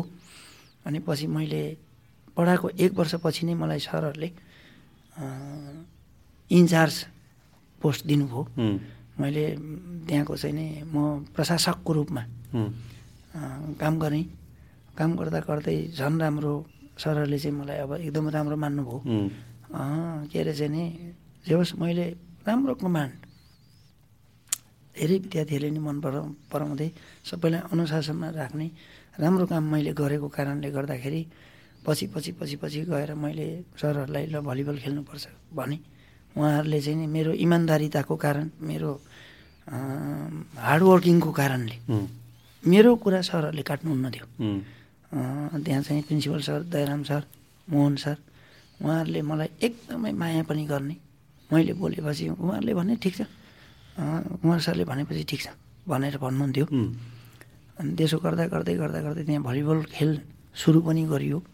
त्यहाँ राम्रै टिम पनि तयार भए भलिबलको तपाईँलाई विशेष ज्ञान त्यस्तो भएर होइन? म त भलिबल त बच्चादेखि खेलेको खेलै भलिबल भयो नि त। अब मैले कसरी कसरी खेल्दै भन्दाखेरि भोलि तैँले एक ढोसे घाँस काटे कुमार भन्यो भने एक ढोसे घाँस काट्ने समय दिएको समयमा त्यो काटिसकेर बल खेल्ने मान्छे नि त म। त्यो कारणले गर्दाखेरि मेरो त अब यो आफूले जति खेल्यो आफूले जति खेल्यो त्यही मात्रै जानियो त्यही मात्रै जानियो। अब योजना योजना हुन्थ्यो। म छ क्लाससम्म थाङ्नाको बल खेलेँ। ट्रेनिङ त तपाईँले काहीँ गराउनु भयो? गरेको होइन नि ट्रेनिङ गरे होइन। म भुइँ फुट्टा आफै। आफै। जति तपाईँले खेल्नुभयो जति जान्नुभयो त्यति नै हो। म त अब त्यो बल त के अरे भनौँ न। झर्न दिन्न थिएँ। म त्यस्तो खतरा मान्छे हो। त्यस कारणले आठ छ र सातमा त म त्यो सरस्वती निम्न माध्यमिक स्कुलबाट हरेक म्याचमा अकाट्य पर्ने मान्छे म। त्यो स्कुलले म्याच खेल्न जाने भएपछि कुमार राई एक नम्बरमा पर्छ। त्यस्तो खालको चाहिँ नि डिफेन्स खेल्ने मान्छे थिएँ नि त म। त्यही अनुभवले तपाईँले ब्राइट फ्युचरमा चाहिँ टिम बनाउनु त्यहाँबाट खाँदबारीमा आएर हेरे माने भन्ज्याङमा पनि बलै खेलेर बिताएँ। खाँदबारीमा आएर वीरेन्द्र सिल पनि खेलिहालेँ नि। खाँदबारीमा त कति धेरै विद्यार्थीमा पढ्नै गाह्रो थियो। त्यसमा त पढेँ म। त्यही आफ्नै खेलेको अनुभव आफ्नै अनुभव। त्यो कारणले गर्दाखेरि यता आरआर क्याम्पसमा नै जे खेलकुदको पनि अलिअलि मैले हेरेँ। त्यसो गरेपछि मलाई त भलिबल त धेरै राम्रो ज्ञान थियो। ब्राइट फ्युचरमा त्यही अनुसार मैले खेलाउँ भने त्यहाँबाट खेलियो होइन? के अरे चाहिँ नि टिम पनि बनाइयो ल कोचिङ गरौँ भन्यो कोचिङ पनि बनि गरियो। अनि पछि चाहिँ अब मेरो कर्म त्यहाँ सकिएको त्यस्तै यताउति भयो। सानो कुरामा मिसअन्डरस्ट्यान्डिङ भयो। त्यहाँबाट मैले दुबई जाने निर्णय गरेँ। होइन? त्यति बेलासम्म बिहा गरिसक्नु भएको थियो? बिहा त गरिसकेको थिएँ। अब थानकोट हुँदाखेरि तपाईँ बिहा गर्नु होइन थानकोटबाट नैकापै आएँ। ए। ब्राइ फिसर स्कुल छेउमै आएँ। ए। अनि त्यहाँ आएर चाहिँ बिहा गरेँ मैले पछि। अब त्यो त्यहाँ अलिकति स्कुलमा त्यस्तो अलि त्यही खेलकै कारणले अलिकति मिस अन्डरस्ट्यान्डिङ भएपछि अब दुबई जान्छु। भनेर ट्याक्सी सिकेँ। साथीलाई भनेर। ड्राइभिङ गर्नु जानु पऱ्यो उतैतिर भनेर गरेँ। गरेपछि सबैले त त्यस्तो काम पनि गर्छ। यहीँ बस्नुपर्छ भन्ने कुराहरूले। अनि के गर्ने त म त ब्राइडमा त अब पढाउँदिनँ। भन्ने मन मनमै आउनु थाल्यो। आएपछि एकजना साथीले अब स्कुल छोड्ने के गर्ने होला भनेको रुपेश खड्का सर भन्ने हुनुहुन्छ त्यहीँ स्थानीय हुन्। उहाँ हामी सँगै पढाउँथ्यौँ त्यहाँ अनि रुपेश सरले होइन स्कुलै उ गरौँ नि त मैले त्यहाँ स्कुल खोल्न लागेको छु त्यहाँ सर प्रिन्सिपल भएर जानुपर्छ भनेर भन्नुभयो। अब अहिले हामी रुपेश सर देवी सर त्यहाँबाट छोडेर आएको तिनजना। तिनजनै सँगै छौँ। अब रुपेश सर चाहिँ अहिले फाउन्डर डाइरेक्टर हुनुहुन्छ। देवी सर भाइस प्रिन्सिपल हुनुहुन्छ। अनि ठ्याक्कै खोलिसकेपछि सुनकेशरी मालीलाई पनि हामीले तान्यौँ। अब सुनकेशरी मालीलाई तान्न चाहिँ सुनकेशरीको भाइ श्रीकृष्ण माली चाहिँ मेरो फेरि आफ्नै आमाले जन्माएको भाइ जस्तो मानेको मैले। त्यस्तै छ रिलेसन त्यो नाताले अनि सुनकेशरी म्याम पनि आउनुभयो। त्यस कारणले एकदम राम्रो हिसाबले अनि त्यहाँबाट सरहरूलाई भनेर दया सर मोहन सरसँग ल सर अब हामी यहाँ बस्दैनौँ जान्छौँ भनेर आयौँ। आएपछि बैसठी सालमा आएको असीजना बच्चा भयो। असीजनामा अब केटाहरूको टिम सुरु गऱ्यौँ। ए सुरुमा चाहिँ केटाहरूकै सुरु सुरु गऱ्यौँ किनभने केटीहरू थोरैजना थिए। अनि केटाहरूको सुरु गरेपछि त्रिसठी सालमा भलिबल चाहिँ फेरि खेलाउनु पऱ्यो खोले पनि? त्यहाँ पहिले के अरे चाहिँ नि भलिबलै खेलाइराखेको। त्यो भलिबल राम्रो टिम बनिसकेको। अनि त्यसको झझल्को आइरहेको। यसलाई त गर्छु भन्ने भयो। गर्दाखेरि केटाहरूले खेले। यसो एक दुईवटा टुर्नामेन्टमा खेले। राम्रो खेलेनन्। ए अब यो नहुने रहेछ भनेर अनि एथलेटिक्सतिर लागि हेरेँ। त्रिसठी सालमा। अब यो पनि भएन। अब महिला भलिबलमा चाहिँ गर्नु पऱ्यो भनेर चौसठी सालको जेठ पाँच गतिबाट महिला भलिबल विधिवत रूपमा सुरु गऱ्यौँ। अब सुरु गरिसकेपछि जे होस् राम्रै भयो। अहिले सोह्र वर्ष लगातार। लगातार। अब सुरुमा चाहिँ महिलालाई खेलाउँदाखेरि त्यहाँ न्यु डायमन्डमा चाहिँ एउटा तरङ्गै आयो। के हो यो? कहीँ खेलेछ के यस्तो के हो? भने अब पढाउनु भनेर पठाएको भलिबल खेलाउने यो त तरिका भएन भनेर एकदमै अभिभावकबाट। अनि एउटा तितो अनुभव चाहिँ के पनि भयो भन्दा ठ्याक्कै यो चाहिँ नि भर्ना गर्ने सिजन आउँछ। एक दुईजना त्यहाँका एक दुईजना लोकल मान्छेहरू पत्रिकामा त हाम्रो नाम आइरहने। अनि ठ्याक्क त्यो पत्रिका किन्यो काटेर लिएर गयो। ल हेर्नुहोस् है। यो पत्रिकामा के छ? नेउडाइमनको खेलमा नाम छ। बुझिराख्नुहोस् त्यहाँ खेलाउँछ मात्रै। पढाउने भए यहाँ पढाइ भनेर लेखिदिन्थ्यो। भनेर चाहिँ चिया पसलमा सारा संसारलाई भनेपछि ल त्यहाँ पढायो भने त खेल्ने सबै खेल्ने मात्रै भए हुँदैन त्यहाँ त। भन्ने अन्तै पढाउने कम त सानो मार खप्नु पर्यो। राम राम राम राम। के गर्ने? अब के भनेर भन्न जाने तिनीहरूले? एकजना दुईजना कुरा भयो पो। सार्वजनिक रूपमा त्यो पर्चाकै रूपमा ल हेर्नुहोस् यी पत्रिका हेर्नुहोस्। हेर्नुहोस्। पढाउँछ पढाउँदैन त्यहाँ। खेलाउँछ मात्रै। खेलाउँछ नत्र पत्रिकाले लेख्छ। भनेपछि सबैजना तर्सिएर त्यहाँ पढाउने आउँदैन अनि स्कुल फेरि त्यस्तै। सानो। ठिकै छ। कुनै दिन दिन आउला। राम्रो काम गर्ने हो। अब खेलाउन त छोड्नै मिलेन फेरि। होइन? के गर्ने? ल ठिकै छ। भन्दै गर्दा गर्दा गर्दा गर्दा कृपा अधिकारीले ब्याज टपेपछि खेलाडीले ब्याज टपेपछि चाहिँ कृपा अधिकारी भलिबल खेलाडी। अघिल्लो दिनसम्म भलिबल खेल्दै थियो। एसैको एसएलसीको अघिल्लो दिनसम्म भलिबल खेल्दै थियो। भलिबल आएर जाँच दिएर उही फर्स्ट भनेपछि भलिबलले चाहिँ बिगाऱ्यो भन्दा भन्ने तपाईँले भने होइन खोइ त कृपा अधिकारी त्यहीँ खेलिरहेको छ खोइ त। रङ म्यासेज रहेछ भनेर एक दुईजनाले मुकाबिला गर्न थाले। नत्र भने त हो हो नै कुदिरहेको थियो अनि त्यहाँबाट हुँदै हुँदै बिस्तारै अनि कलेजमा पनि कृपाले राम्रो पढिन्। त्यति बेलै साप गेम खेलिन्।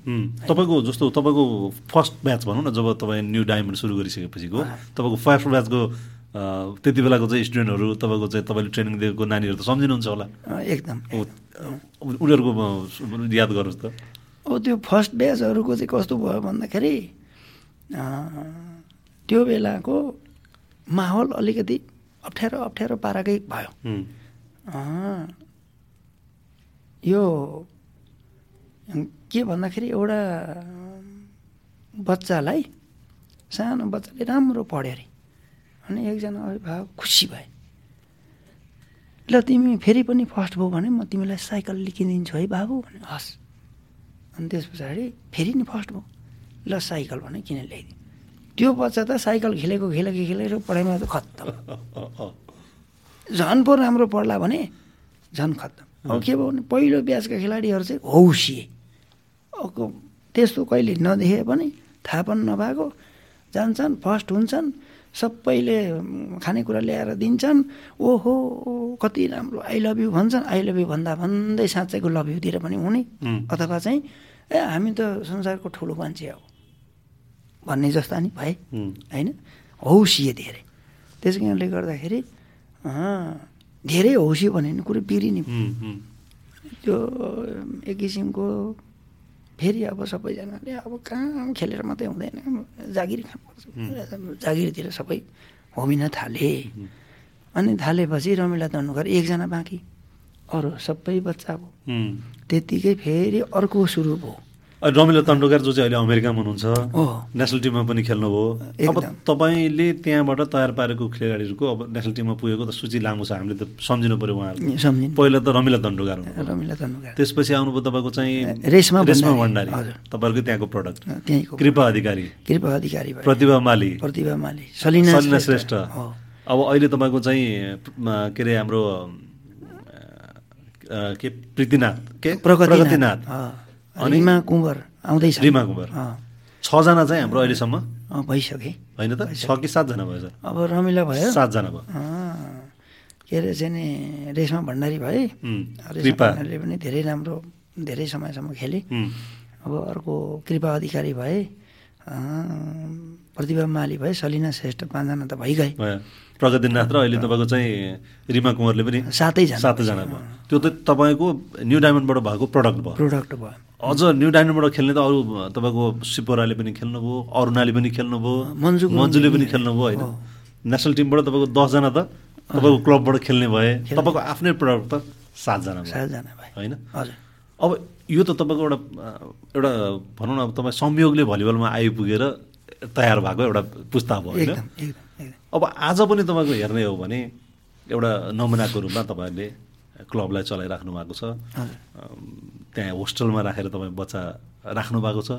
भलिबलकै लागि भनेर तपाईँले होस्टेल पनि सुरु गर्नुभएको त्यो त भलिबलकै लागि होइन त्यो खासमा पढाउने भन्दा पनि दुखी गरेको सेवा र खेल प्लस पढाइ। पढाइ त नम्बर वानमै भइहाल्छ हाम्रो होइन? तर चाहिँ हाम्रो यो मेन उद्देश्य राष्ट्रलाई एउटा राम्रो जनशक्ति। दिनुपर्छ। खेल प्लस पढाइबाट दिउँ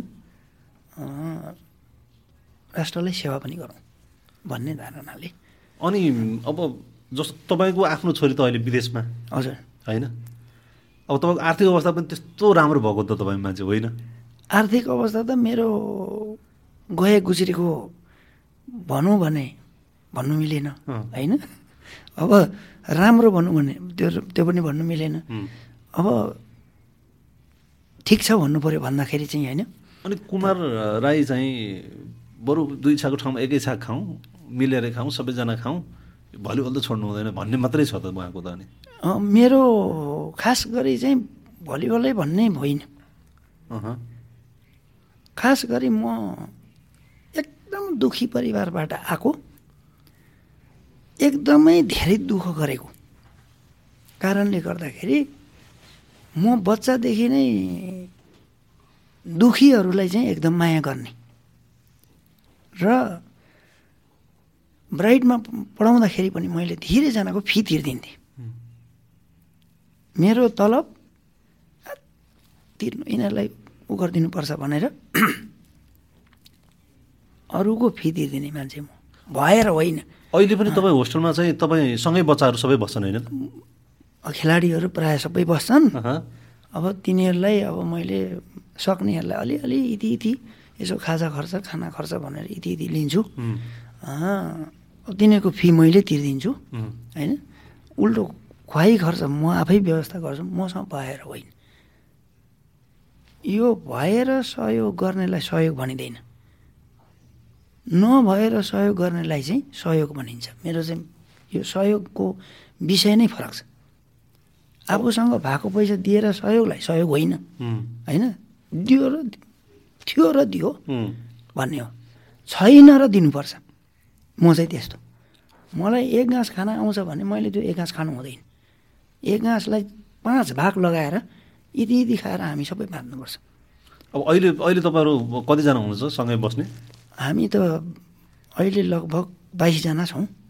बाइसजना एउटै भान्सामा पकाएर खानु बाइसजना ए बाइसजना भनेपछि परिवारसहित त अब छब्बिस पच्चिस छब्बिसजना। छब्बिसजना सँगै हुनुहुन्छ तपाईँहरू? सँगै छौँ। अनि अब तपाईँको परिवार त सानो छ। तपाईँको आफ्नै परिवार त सानो छ नि त। मेरो परिवार त सानो। होइन?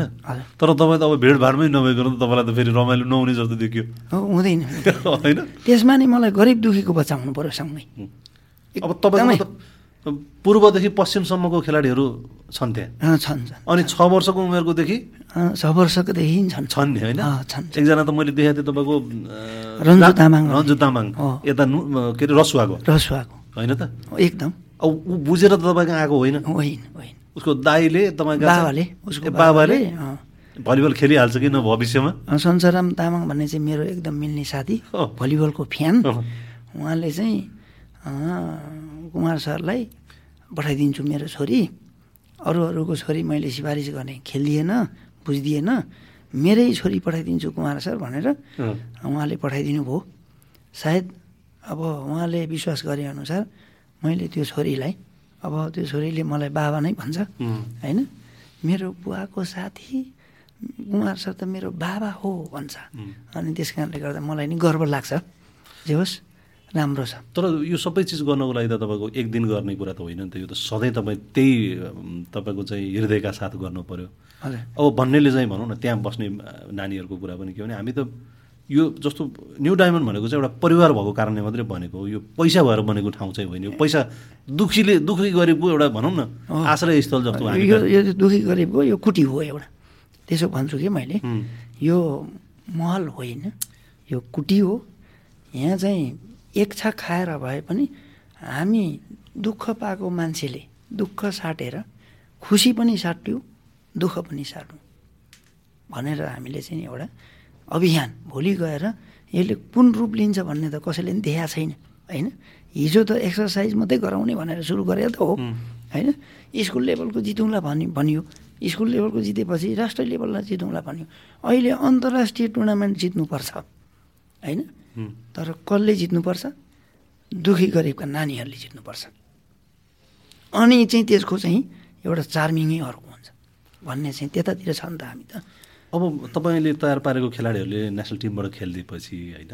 हिजो रमिलाले अब रेशमाले कृपाले अहिले प्रतिभाले सलिना जसरी खेलिराख्नु भएको छ उहाँहरूले खेलिसकेपछि त्यसले त अब फेरि न्यू डायमन्डलाई हेर्ने एउटा नजर। नजर हो। र तपाईँलाई हेर्ने नजर त फेरि बदलियो नि त। बदलिँदै जाने कुरा त्यो त छँदैछ। होइन? हजुर। उहाँहरूले चाहिँ आज पनि हामीले देख्दाखेरि कृपाले भेट्दाखेरि होस् या अरूले कुरा गर्दाखेरि होस् कुमार सरको बारेमा त हाम्रो त जसले पनि के भने अभिभावक हाम्रो उहाँ नै हो। होइन? म ललितासँग ललितालाई भन्यो भने म त सरसँग बसेकै बाह्र वर्ष भइसक्यो मेरो त। अब हामीले भयो भने चाहिँ त्यो सबै चिज हामी खप्न सक्दैनौँ होला। गाह्रै छ गाह्रै छ। भन्ने उहाँहरूको चाहिँ अब एउटा भनौँ न हामीले एउटा त्यो आफ्नोपन देखिन्छ उहाँहरूको चाहिँ। अनि अब तपाईँलाई परिवारमा चाहिँ समस्या हुँदैन सर यो तपाईँको भावना त्यो भयो तर तपाईँको परिवारले पनि त्यो तपाईँकै भावनालाई बोकेर हिँड्दिन पर्ने अलिकति जबरजस्ती पनि त भयो नि त्यो त। अब यो कुनै पनि कुरा लिँडे पाराले अगाडि नबढी नबढिकन चाहिँ हुँदैन। अलि एकहोरो। एकहोरो नभइकन। जस्तै उज्जवल विक्रम थापा भन्ने यो बर्न केसको यो चाहिँ नि जे जति मान्छेहरू बर्निङ हुन्छ त्यो सम्बन्धीको काम गर्नु हुँदो रहेछ उहाँ हाम्रो क्लबमा आउनुभयो। उहाँले सिधै ल म जस्तो तपाईँ त्यस्तै। तपाईँ पनि एकहोरो लिँडे पाराले भेडा पाराले अगाडि बढ्नु भएको रहेछ। म पनि त्यसै गरी बढ्या हो। अहिलेसम्म चालिस हजार कति बर्निङ केसलाई हामीले सफल गरिसक्यौँ। पैसा भएर होइन कुमार सर। ल भनेपछि मेरो मन छुएको थियो। म लिँडे पाराले अगाडि बढेको रहेछु होइन। अब एकहोरो भेडा पाराले पहिले भेडा गोठाले नै भएर होला भेडा पाराले अगाडि बढेको पनि होइन? अब त्यति बेला भेडालाई त आफूले भने जस्तो गराउने भएपछि। भेडालाई त मैले मान्छे जस्तो बनाएको थिएँ नि। अनि त्यो कारणले गर्दाखेरि म अहिले त मान्छेलाई नै त अब मान्छेबाट काम लिन त गाह्रो भएन। गाह्रो भएन। त्यो एउटा रमाइलो पक्षै रहेछ। तर तपाईँले प्राप्त गर्नुभएको खुसी एउटा दुःख त आफ्नो ठाउँमा छ। एकदम, तर तपाईँले पाउनुभएको खुसी चाहिँ के भने प्रतिभा मालीले यहाँ मलाई हामीसँग कुरा गर्दाखेरि पनि भन्थ्यो मेरो त उहाँ त मेरो दोस्रो बुवा जस्तो हो। होइन? उहाँले जे जति गर्नुभयो आज उहाँहरूकै कारण त हामी उहाँको कारण त हामी यहाँ छौँ भन्नुभयो मैले पहिलो जितेको पनि स्कुटर त्यही भएर कुमार सरलाई दिएँ परिवारमा मैले सल्लाह गरेर एकदम खुसी हुनुभयो सबैजनाले दिनुभयो। भनेर भन्नु अब त्यो त कसैले त्यो त्यो त तपाईँले खोसेर त पाउने या मलाई तैँले चाहिँ श्रद्धा गर्नुपर्छ भनेर पाउने चिज होइन नि त। श्रद्धा त आउनु पऱ्यो नि त होइन। तपाईँ त्यही श्रद्धामा त्यही खुसीमा रमाउने मान्छे हो। एकदम। अब मैले एउटा उदाहरण दिन्छु। निशाकर गोपाली। अहिले अमेरिकामा। राममान गोपाली मैले जसको नाम लिएँ पहिले म थानकोटमा बसेँ। निशाकर छोरोहरूले मलाई अङ्कल अङ्कल। उसको बहिनीले अङ्कल अङ्कल। सम्झनाले। अनि उसको भाइ कान्छोले पनि मलाई चाहिँ नि अङ्कल अङ्कल भने। उनीहरूले सुरुमा सोच्ने बेलामा मलाई साँच्चैको अङ्कल सोचे। किन भन्दा म त्यही घरमा बस्थेँ उनीहरू जन्मिँदा र अहिले पनि अस्ति मात्रै मलाई चाहिँ नि मैले छोरा के अरे एउटा ल्यापटप चाहिएको थियो यहाँ अफिसमा राख्नलाई। भनेर भन्दाखेरि अहिले ब्रान्डेड कम्पनी एप्पलको ल्यापटप उसले तुरुन्त मैले भन्ने बित्तिकै। मेरो अङ्कललाई म यति चाहिँ गर्छु। म आफ्नै अङ्कल जस्तो किन भएँ त भन्दा मेरो व्यवहारले र तुलसा थापा भन्ने ब्राइट फ्युचरकै विद्यार्थी थिइन्। उनी अस्ट्रेलिया बस्ने। ज्वाइँलाई लिएर अस्ति आएर ओहो हो तपाईँले यस्तो गर्नुभएको छ मलाई बच्चामा। त पढ मात्रै नानी मै फी दिइदिन्छु भन्नुहुन्थ्यो। तपाईँले सबै अरूको लागि गरिरहनु भएको छ।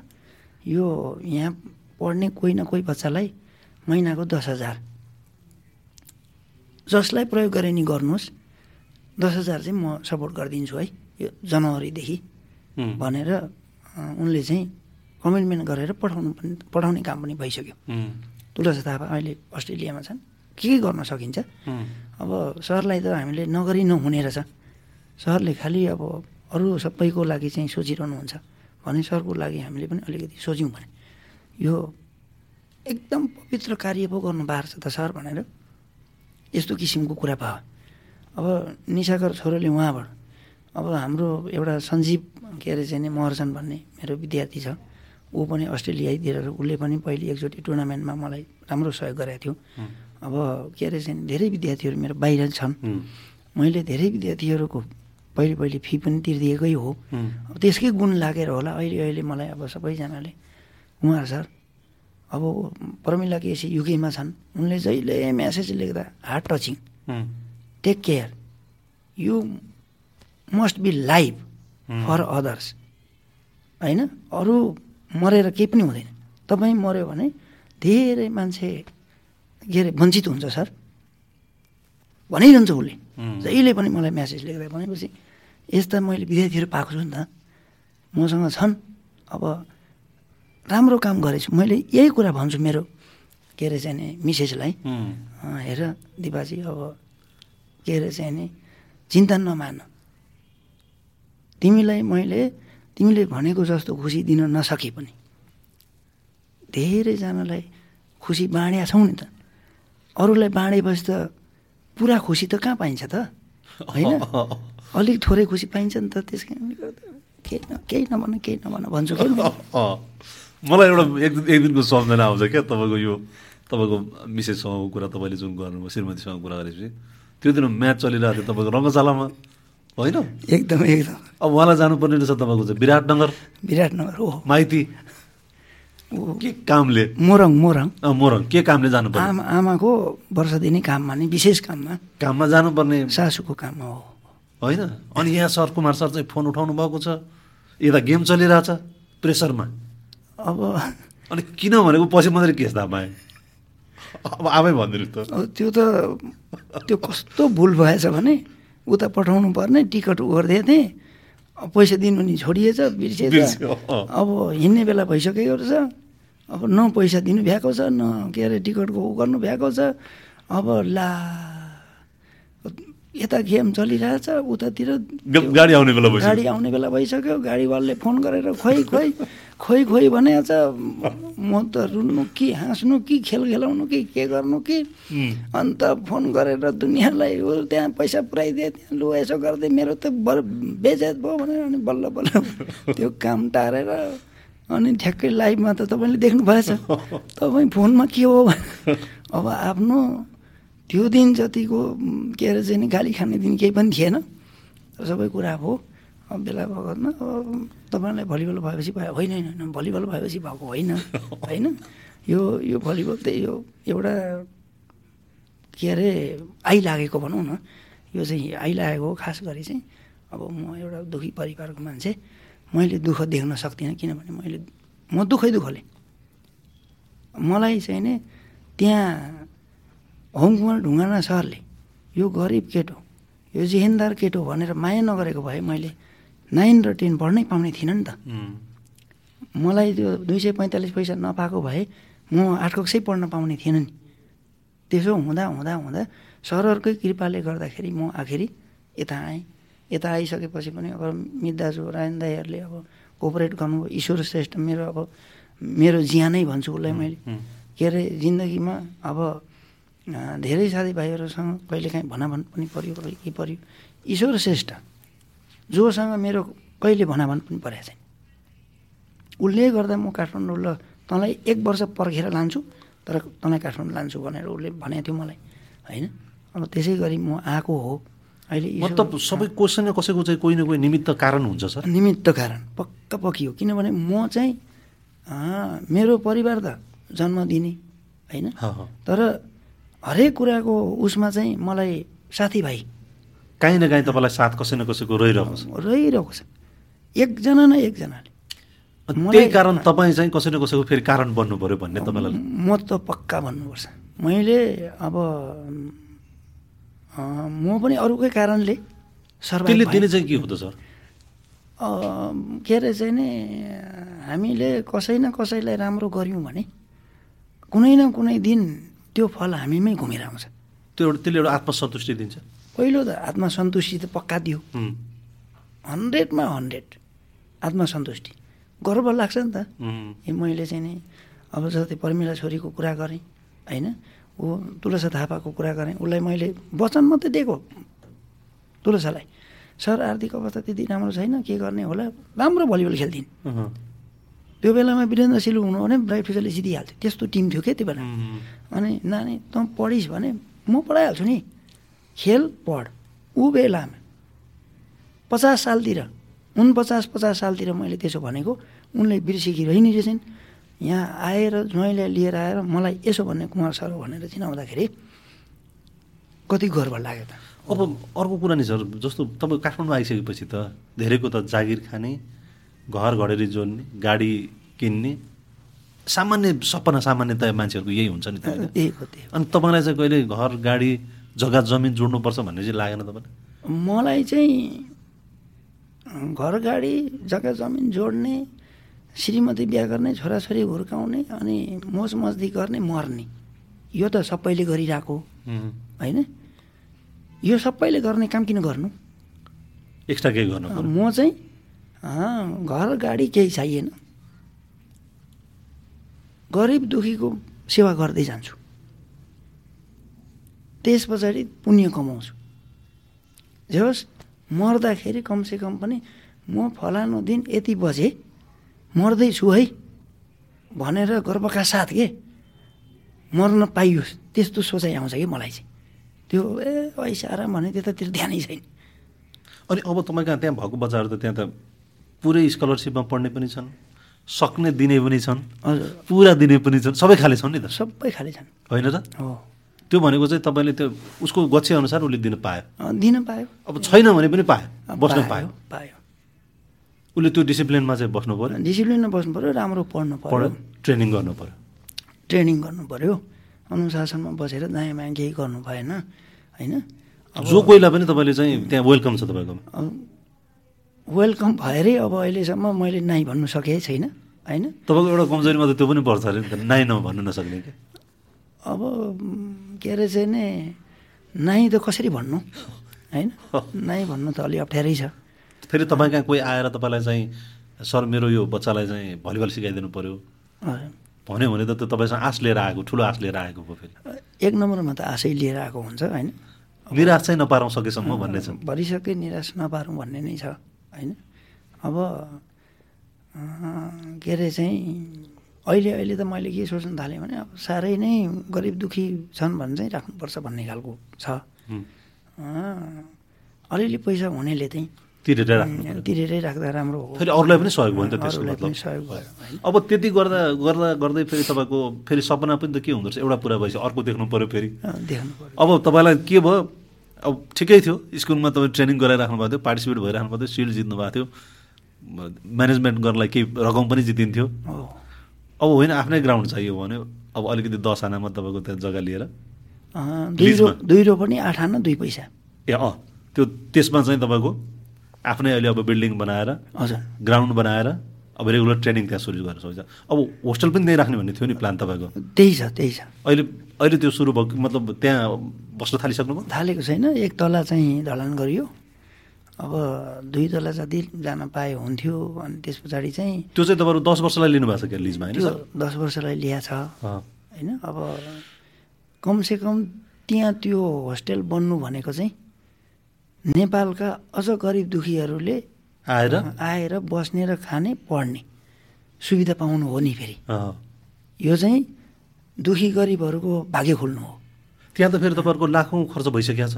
खर्च त भएको छ तपाईँलाई तपाईँको सहयोगी न्यू डायमन्डको चाहिँ भलो चाहने मान्छेहरू भलो जाने मान्छेहरूले देशमा विदेशमा हुनेहरूले? गर्नु भएको छ।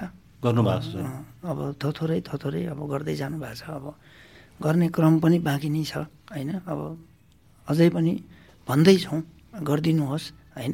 तर के भन्दा यो मेरो स्वार्थको लागि होइन। यो देशकै लागि हो। यो देशमा भएका के अरे चाहिँ नि के अरे चाहिँ नि गरिब दुखीका नानीहरूको लागि हो मैले गरेको? अनि अब यो यो एउटा त छँदैछ अहिले फेरि एकाडेमिक चलाइरहेको न्यू डायमन्डले होइन? अब फेरि अर्को एउटा प्रोजेक्ट पनि छ नि त तपाईँको?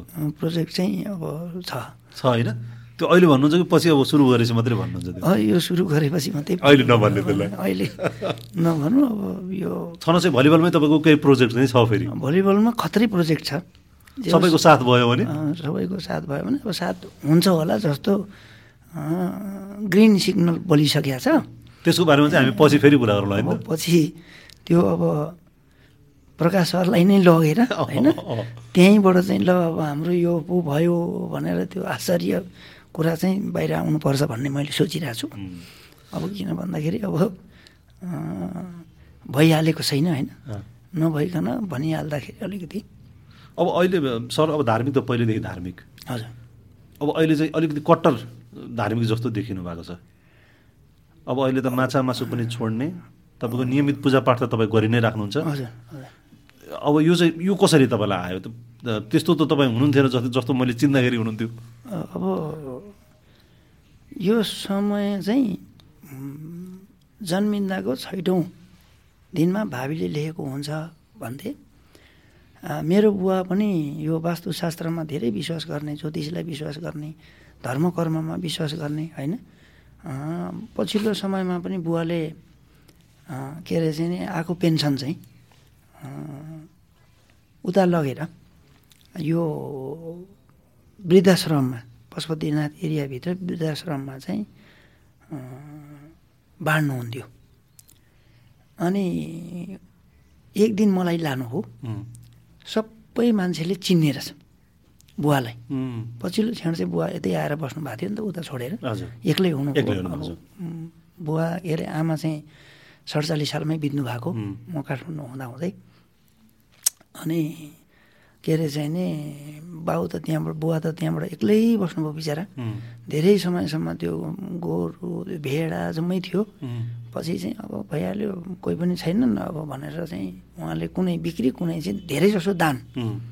धेरै जसो त्यो भेडा गाई गोरु भाना भान्जोलाई केलाई भनेर चाहिँ दान पनि दिनुभएछ अनि पछि चाहिँ मलाई त्यहाँ लाँदाखेरि पनि सब धेरै मान्छेले उहाँलाई चाहिँ त्यहाँ चिन्ने रहेछ भित्र। अनि एकछिन चाहिँ म छक्क पनि परेँ। अब हाम्रो घरबार केही छैन। बुवाले घरबारको बारेमा त कहिल्यै सोच्नु भएन। तर पैसा त भाँडेरै हिँड्नुहुँदो रहेछ। भन्ने मलाई लागिरहेको थियो।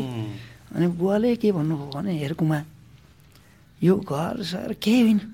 यो सबै छोडेर जानुपर्छ। अब मैले यहाँ अहिले जति यहाँ पैसा बाँडेँ यो पैसा कुनै न कुनै दिन तँलाई फर्केर आउँछ।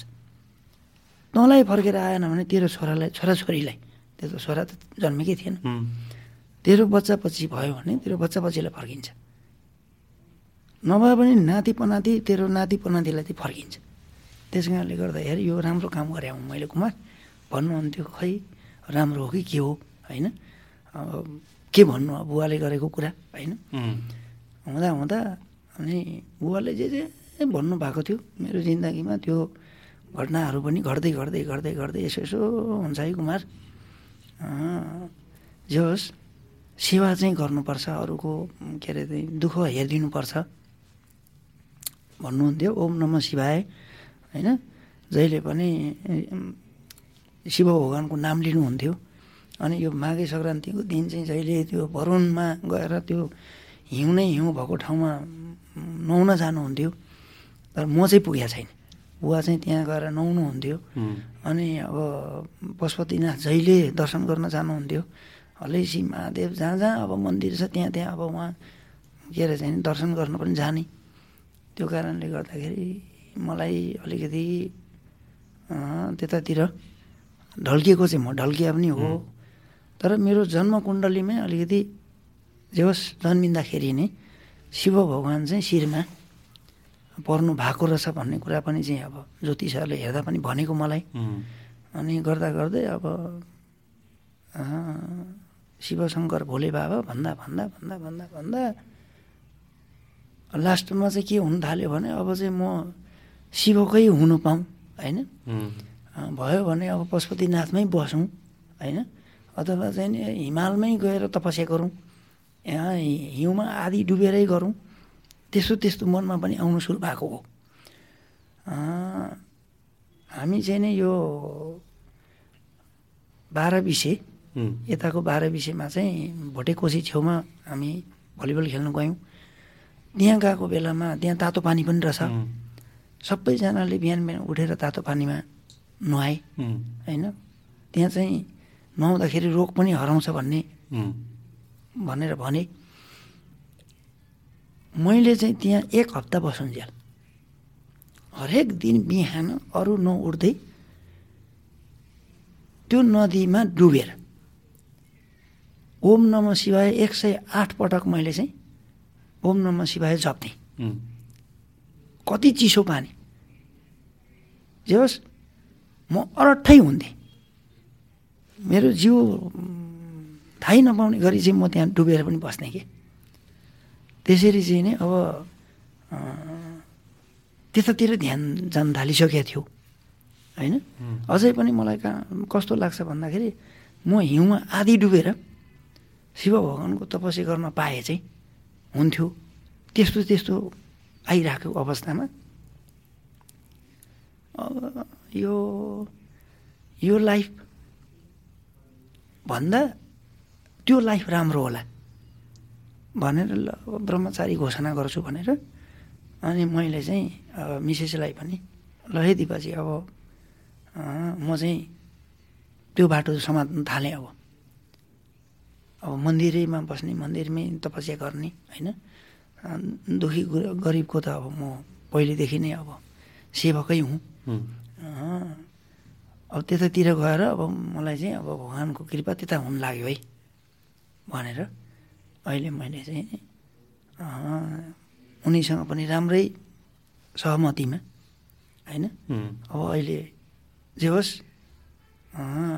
म ब्रह्मचारी माछा मासु सबै त्यागेर म चाहिँ शिव भगवान्को पुरै तपस्वी अहिले। कतिपय अवस्थामा त नसोचेको कुराहरू पनि हुन्छ। जस्तै पोखराबाट म अस्ति आएँ। एकादशीको दिन थियो। त्यहाँबाट यहाँ आइन्जेल मलाई भोक लागेन। नौ बजे हामी गाडी चढिसकेका थियौँ। मैले दिउँ होटेलमा चाहिँ चिया खाँथेँ दुई कप चिया सरासर खाएँ। एक एक कप चिया। के अरे चाहिँ नि होटलवालाले खानुहोस् भनेर दिइहाल्नु भयो खाइदिएँ। बाटोमा हिँड्दा एकादशी मनाएर पेट दुख्छ भरे वक आउँछ सर भन्दै हुनुहुन्थ्यो। होइन म त्यसो गर्दिनँ। भने एक कप चिया चाहिँ लक्ष्मण भाइ आएर खाउँ सर भनेर खाएँ दुई कप खाएँ। त्यो दुई कप चियाको भरमा काठमाडौँ आउँदासम्म तिर्खा पनि लागेन। टोइलेट पनि लागेन। सदा मलाई कति भोक लाग्छ भन्ने कुरा त अब मेरो म जस्तो होइन म जस्तो धेरै खाने होइन सत्र घोगा मकै खाइसक्ने पच्चिसवटा सियल खाइसक्ने दस प्लेट मोमो खाएपछि मात्रै अगाउने मान्छे म होइन। तपाईँको कहाँ त त्यहाँ तपाईँको त शङ्खा आउने बेलामा बाटोमा त तपाईँलाई खाने पाक्रीबासमा त अब हामीले खाना बढी खाएर त्यहाँ पेट सिस्टमबाट प्लेट म त त्यस्तो खन्चुवा मान्छे होइन। त्यस्तो मान्छे पोखराबाट काठमाडौँ आइन्जेलसम्म। केही नलाग्ने जस्ताको तस्तै सन्च हुने। यस्तो यस्तो कुराहरू हुने रहेछ नि त। त्यसले एउटा तपाईँलाई सन्तुष्टि दिने एउटा अर्कैतिर पुऱ्याउने हुँदो रहेछ कि के त? होइन अर्कैतिर पुऱ्याउने हुँदो रहेछ। यो यो यो कुरा त कता हो कता हो। यो लाइफै अर्को रहेछ। यो पो लाइफ राम्रो रहेछ जस्तो लाग्यो अहिले मलाई। किनभने छिनछिनमा खाइरहनु पर्ने मान्छे नखाँदा पनि हुने। छिनछिनमा पानी खानुपर्ने मान्छे नपिउँदा नि हुने। छिनछिनमा पिसाब फेर्नु जानुपर्ने मान्छे पिसाबै फेर्नु नपर्ने। अब यो चाहिँ एउटा अर्को तपाईँको जस्तो त्यहाँ बस्ने बच्चाहरू तपाईँसँग अहिले जो हुनुहुन्छ होस्टेलमा बस्ने पढाइ पनि राख्नु भएको छ ट्रेनिङ पनि गरिराख्नु भएको छ उहाँहरू त सबैको अलग अलग कहानी छ नि त होइन? अलग अलग कहानी छ।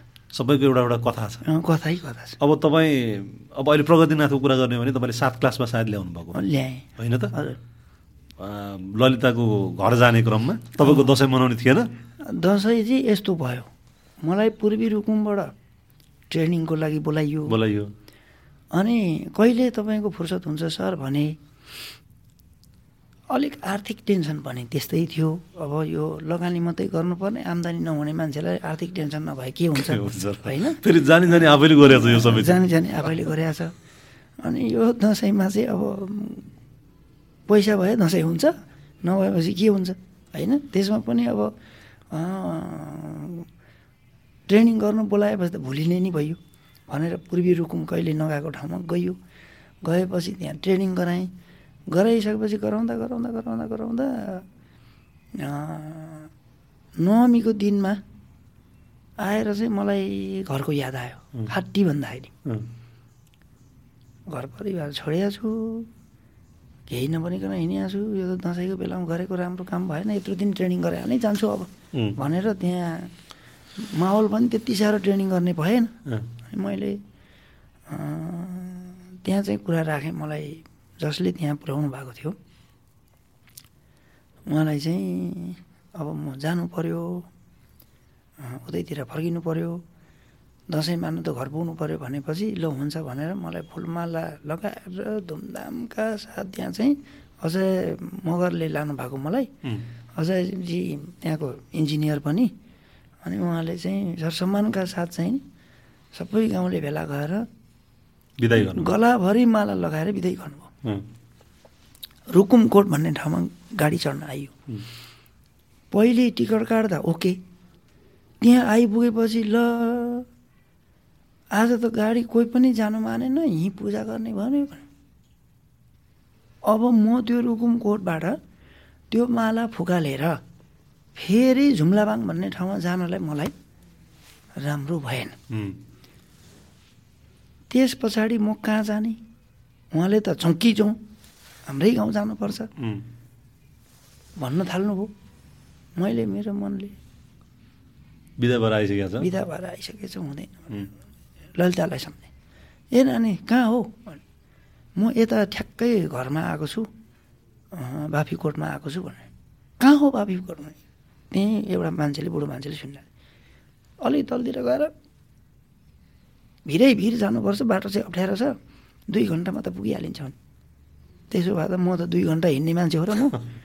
म त चार पाँच घन्टालाई फेरि दुई घन्टामा कन्भर्ट गर्ने मान्छे। ए त्यसो भए त म त एकै घन्टामा पुग्छु त्यहाँ मेरो मनमा आयो। ठिक छ। ल तेरो घर आउँछु त्यो अलिक वरसम्म कहाँसम्म लिन आइज।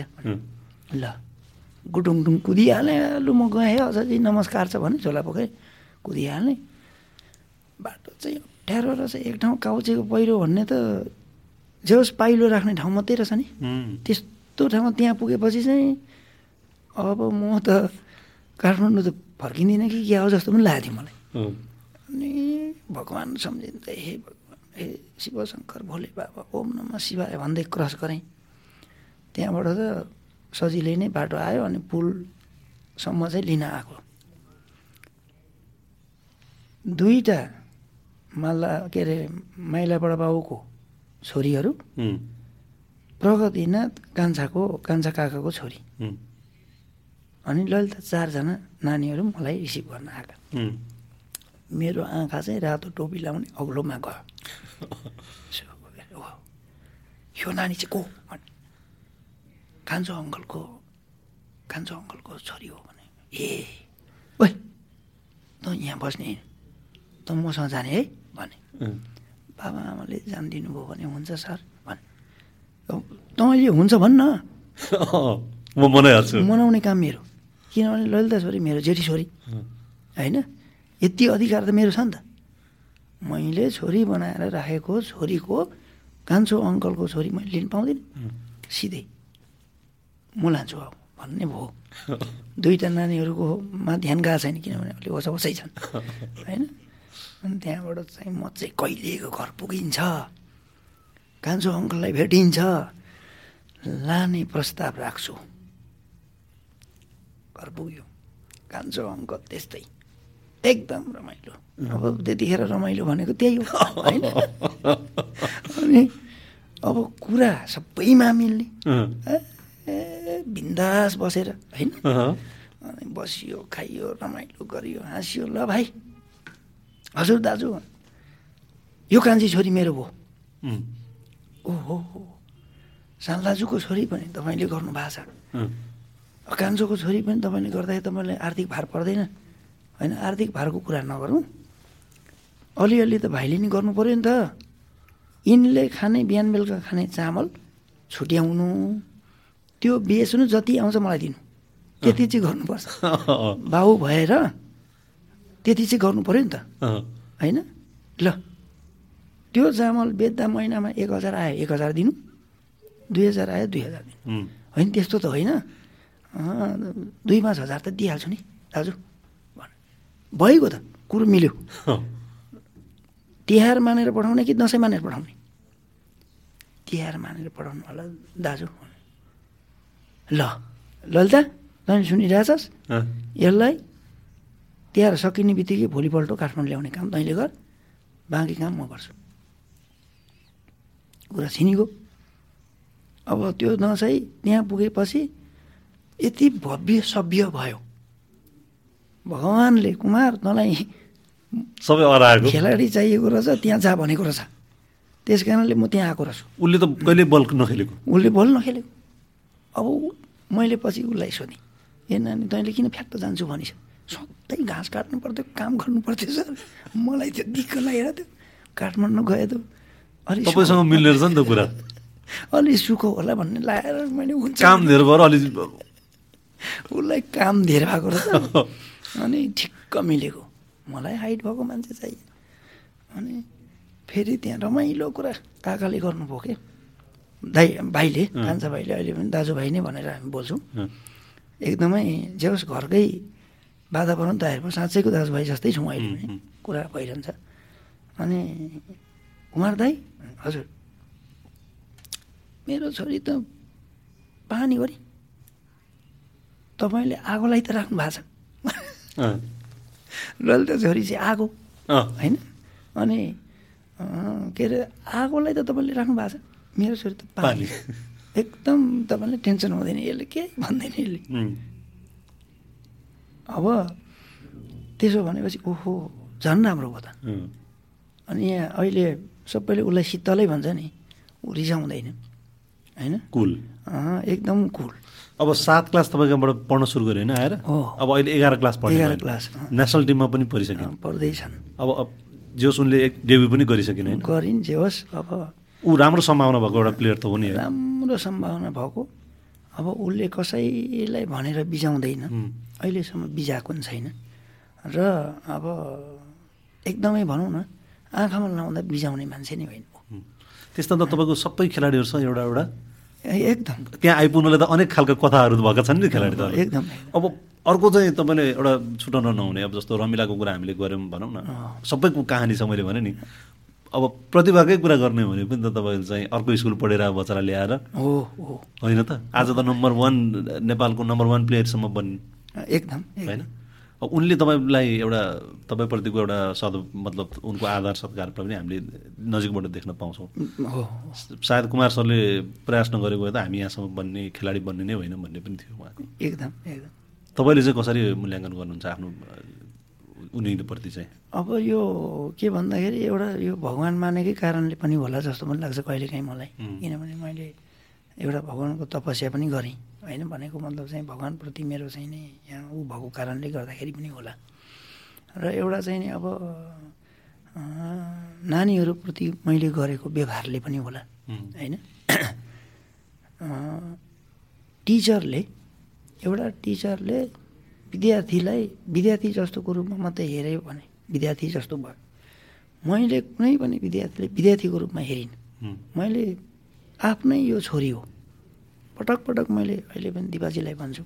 दिपाजी हेर जे जति छोराछोरी छन् सबै तिमीले जस्तै कष्ट गरेर हुर्काएको दुःख गरेको अलग कोखबाट आए भने तिम्रो कोखबाट पनामिका राई र नवल कुमार राई कस्तो दुःख गरेर आएर कस्तो दुःख गरेर हुर्काएँ त्यस्तै हो। त्यस कारणले गर्दाखेरि यो अरू यो मेरो होइन। यो सबै मेरो सबै हाम्रो होइन? जे जति नानीहरू छन् तिनी सबै उस्तै हो नि। त्यस कारणले उस्तै माया गर्नुपर्छ। च्याप्प काखमा समातेर यो मेरो छोरी मेरो छोरा हो भन्न सक्नुपर्छ है भन्छु कि मैले। मलाई त त्यस्तै लाग्छ।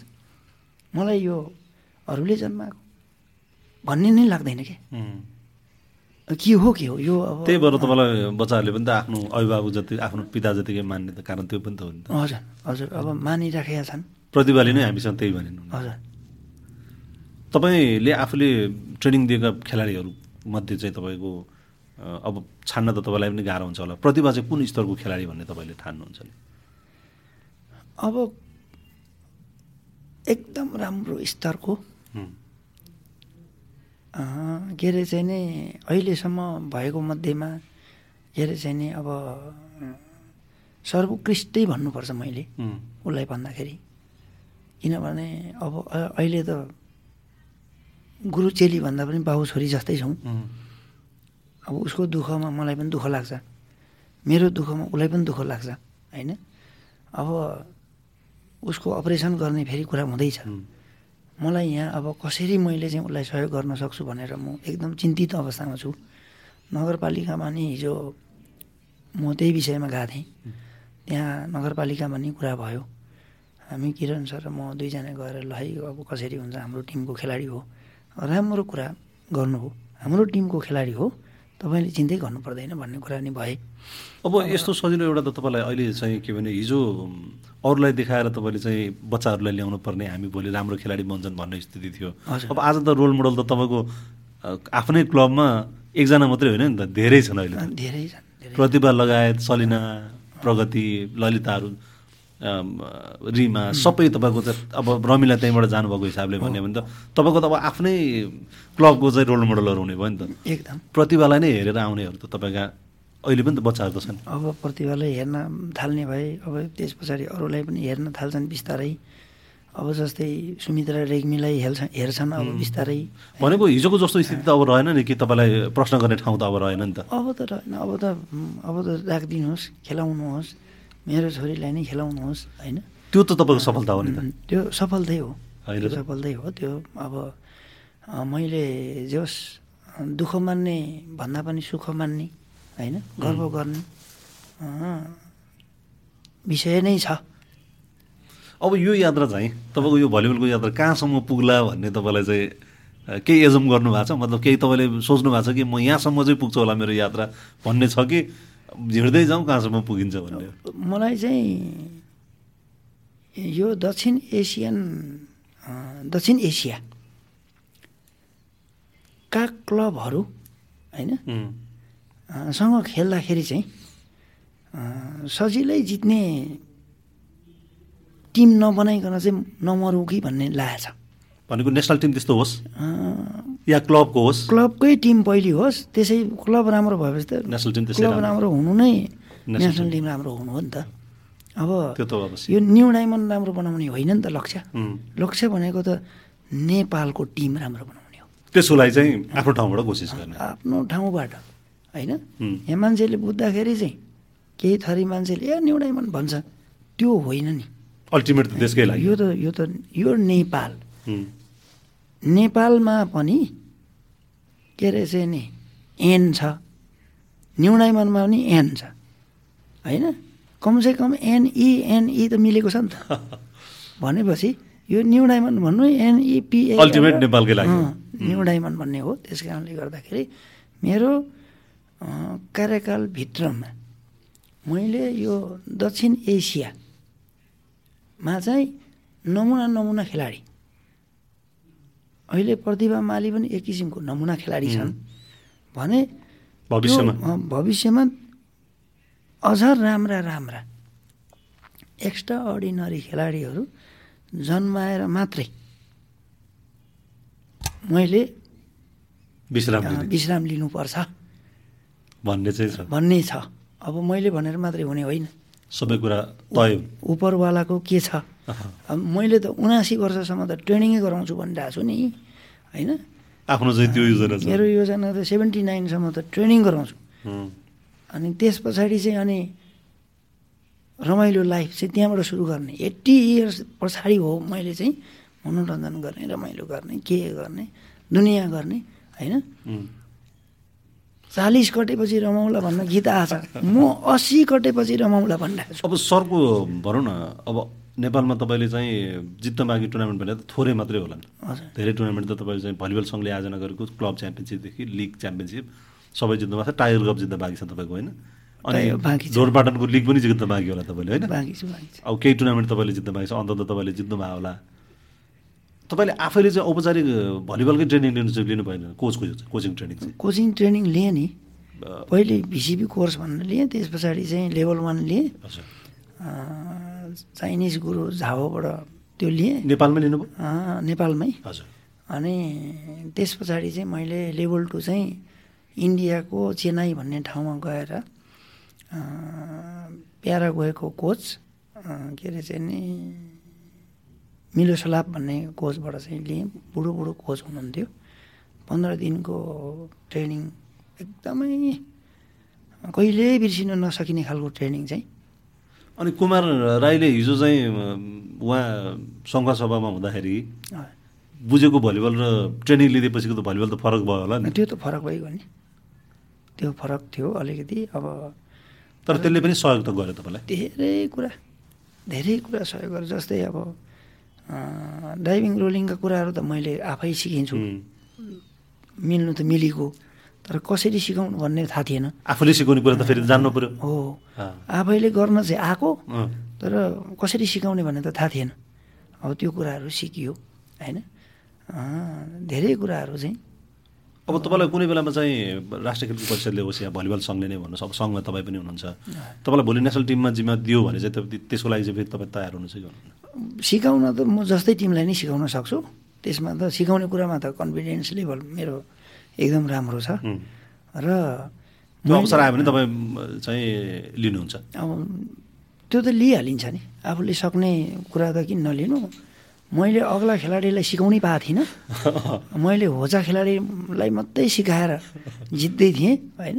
अब मेरोमा अग्लो खेलाडी आउँदैछ। अब चाहिँ कुमार राईले कस्तो सिकाउँदो रहेछ भनेर फेरि एकचोटि? एकचोटि चाहिँ देखाउँदैछु मैले। किनभने यो देखाउनु पनि पर्ने अवस्था आयो होइन? यहाँ अब के अरे चाहिँ प्रशिक्षण नै नगराइकन न्यु डायमन्डले चाहिँ त्यसै खेलेको जस्तो पनि भन्छन् नि त कहिलेकाहीँ।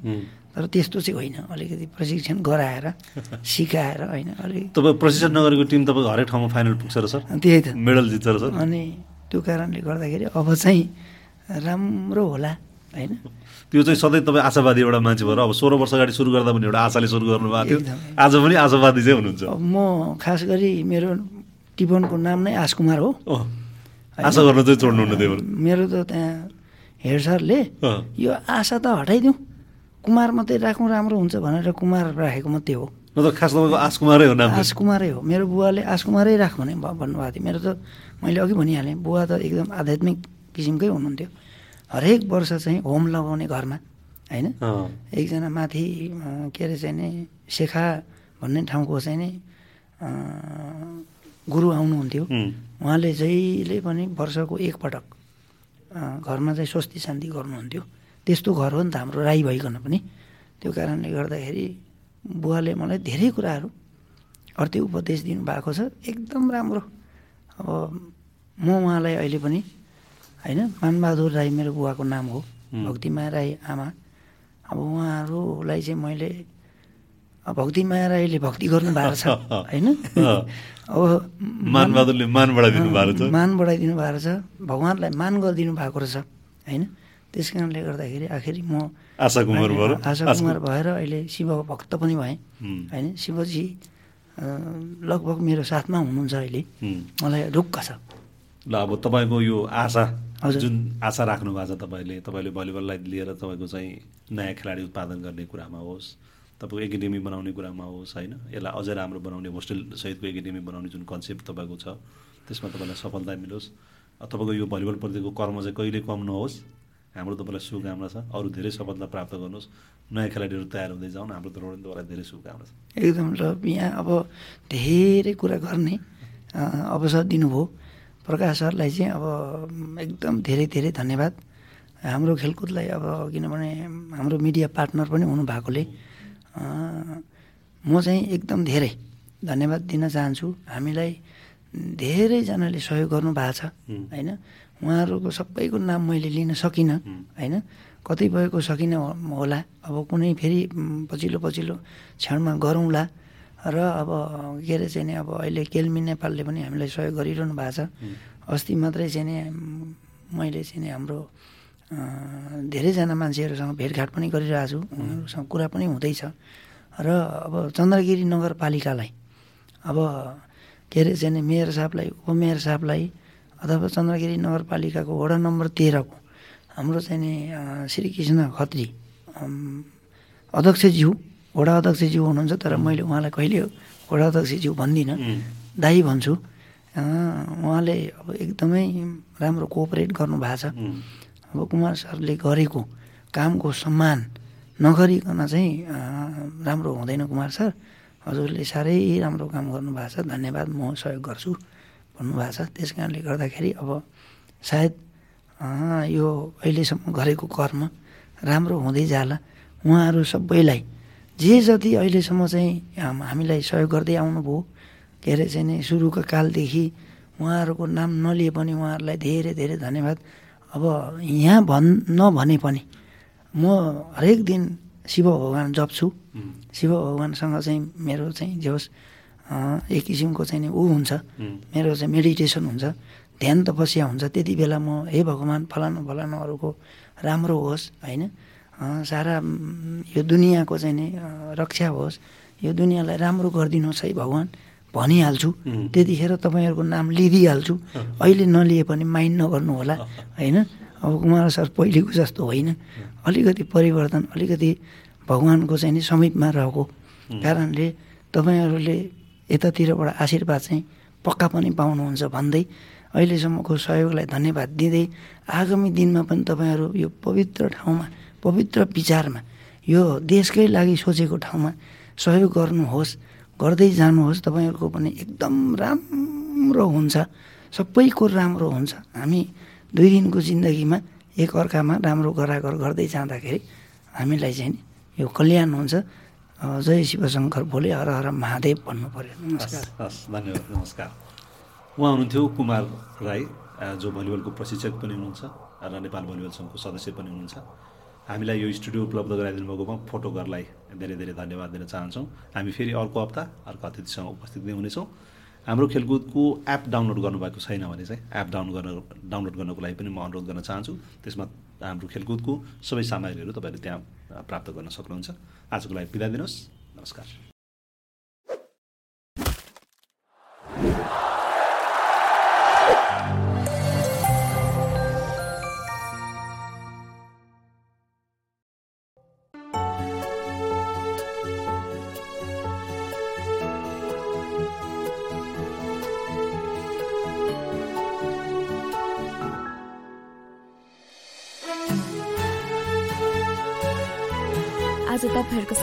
साँच्चै पुरा भयो।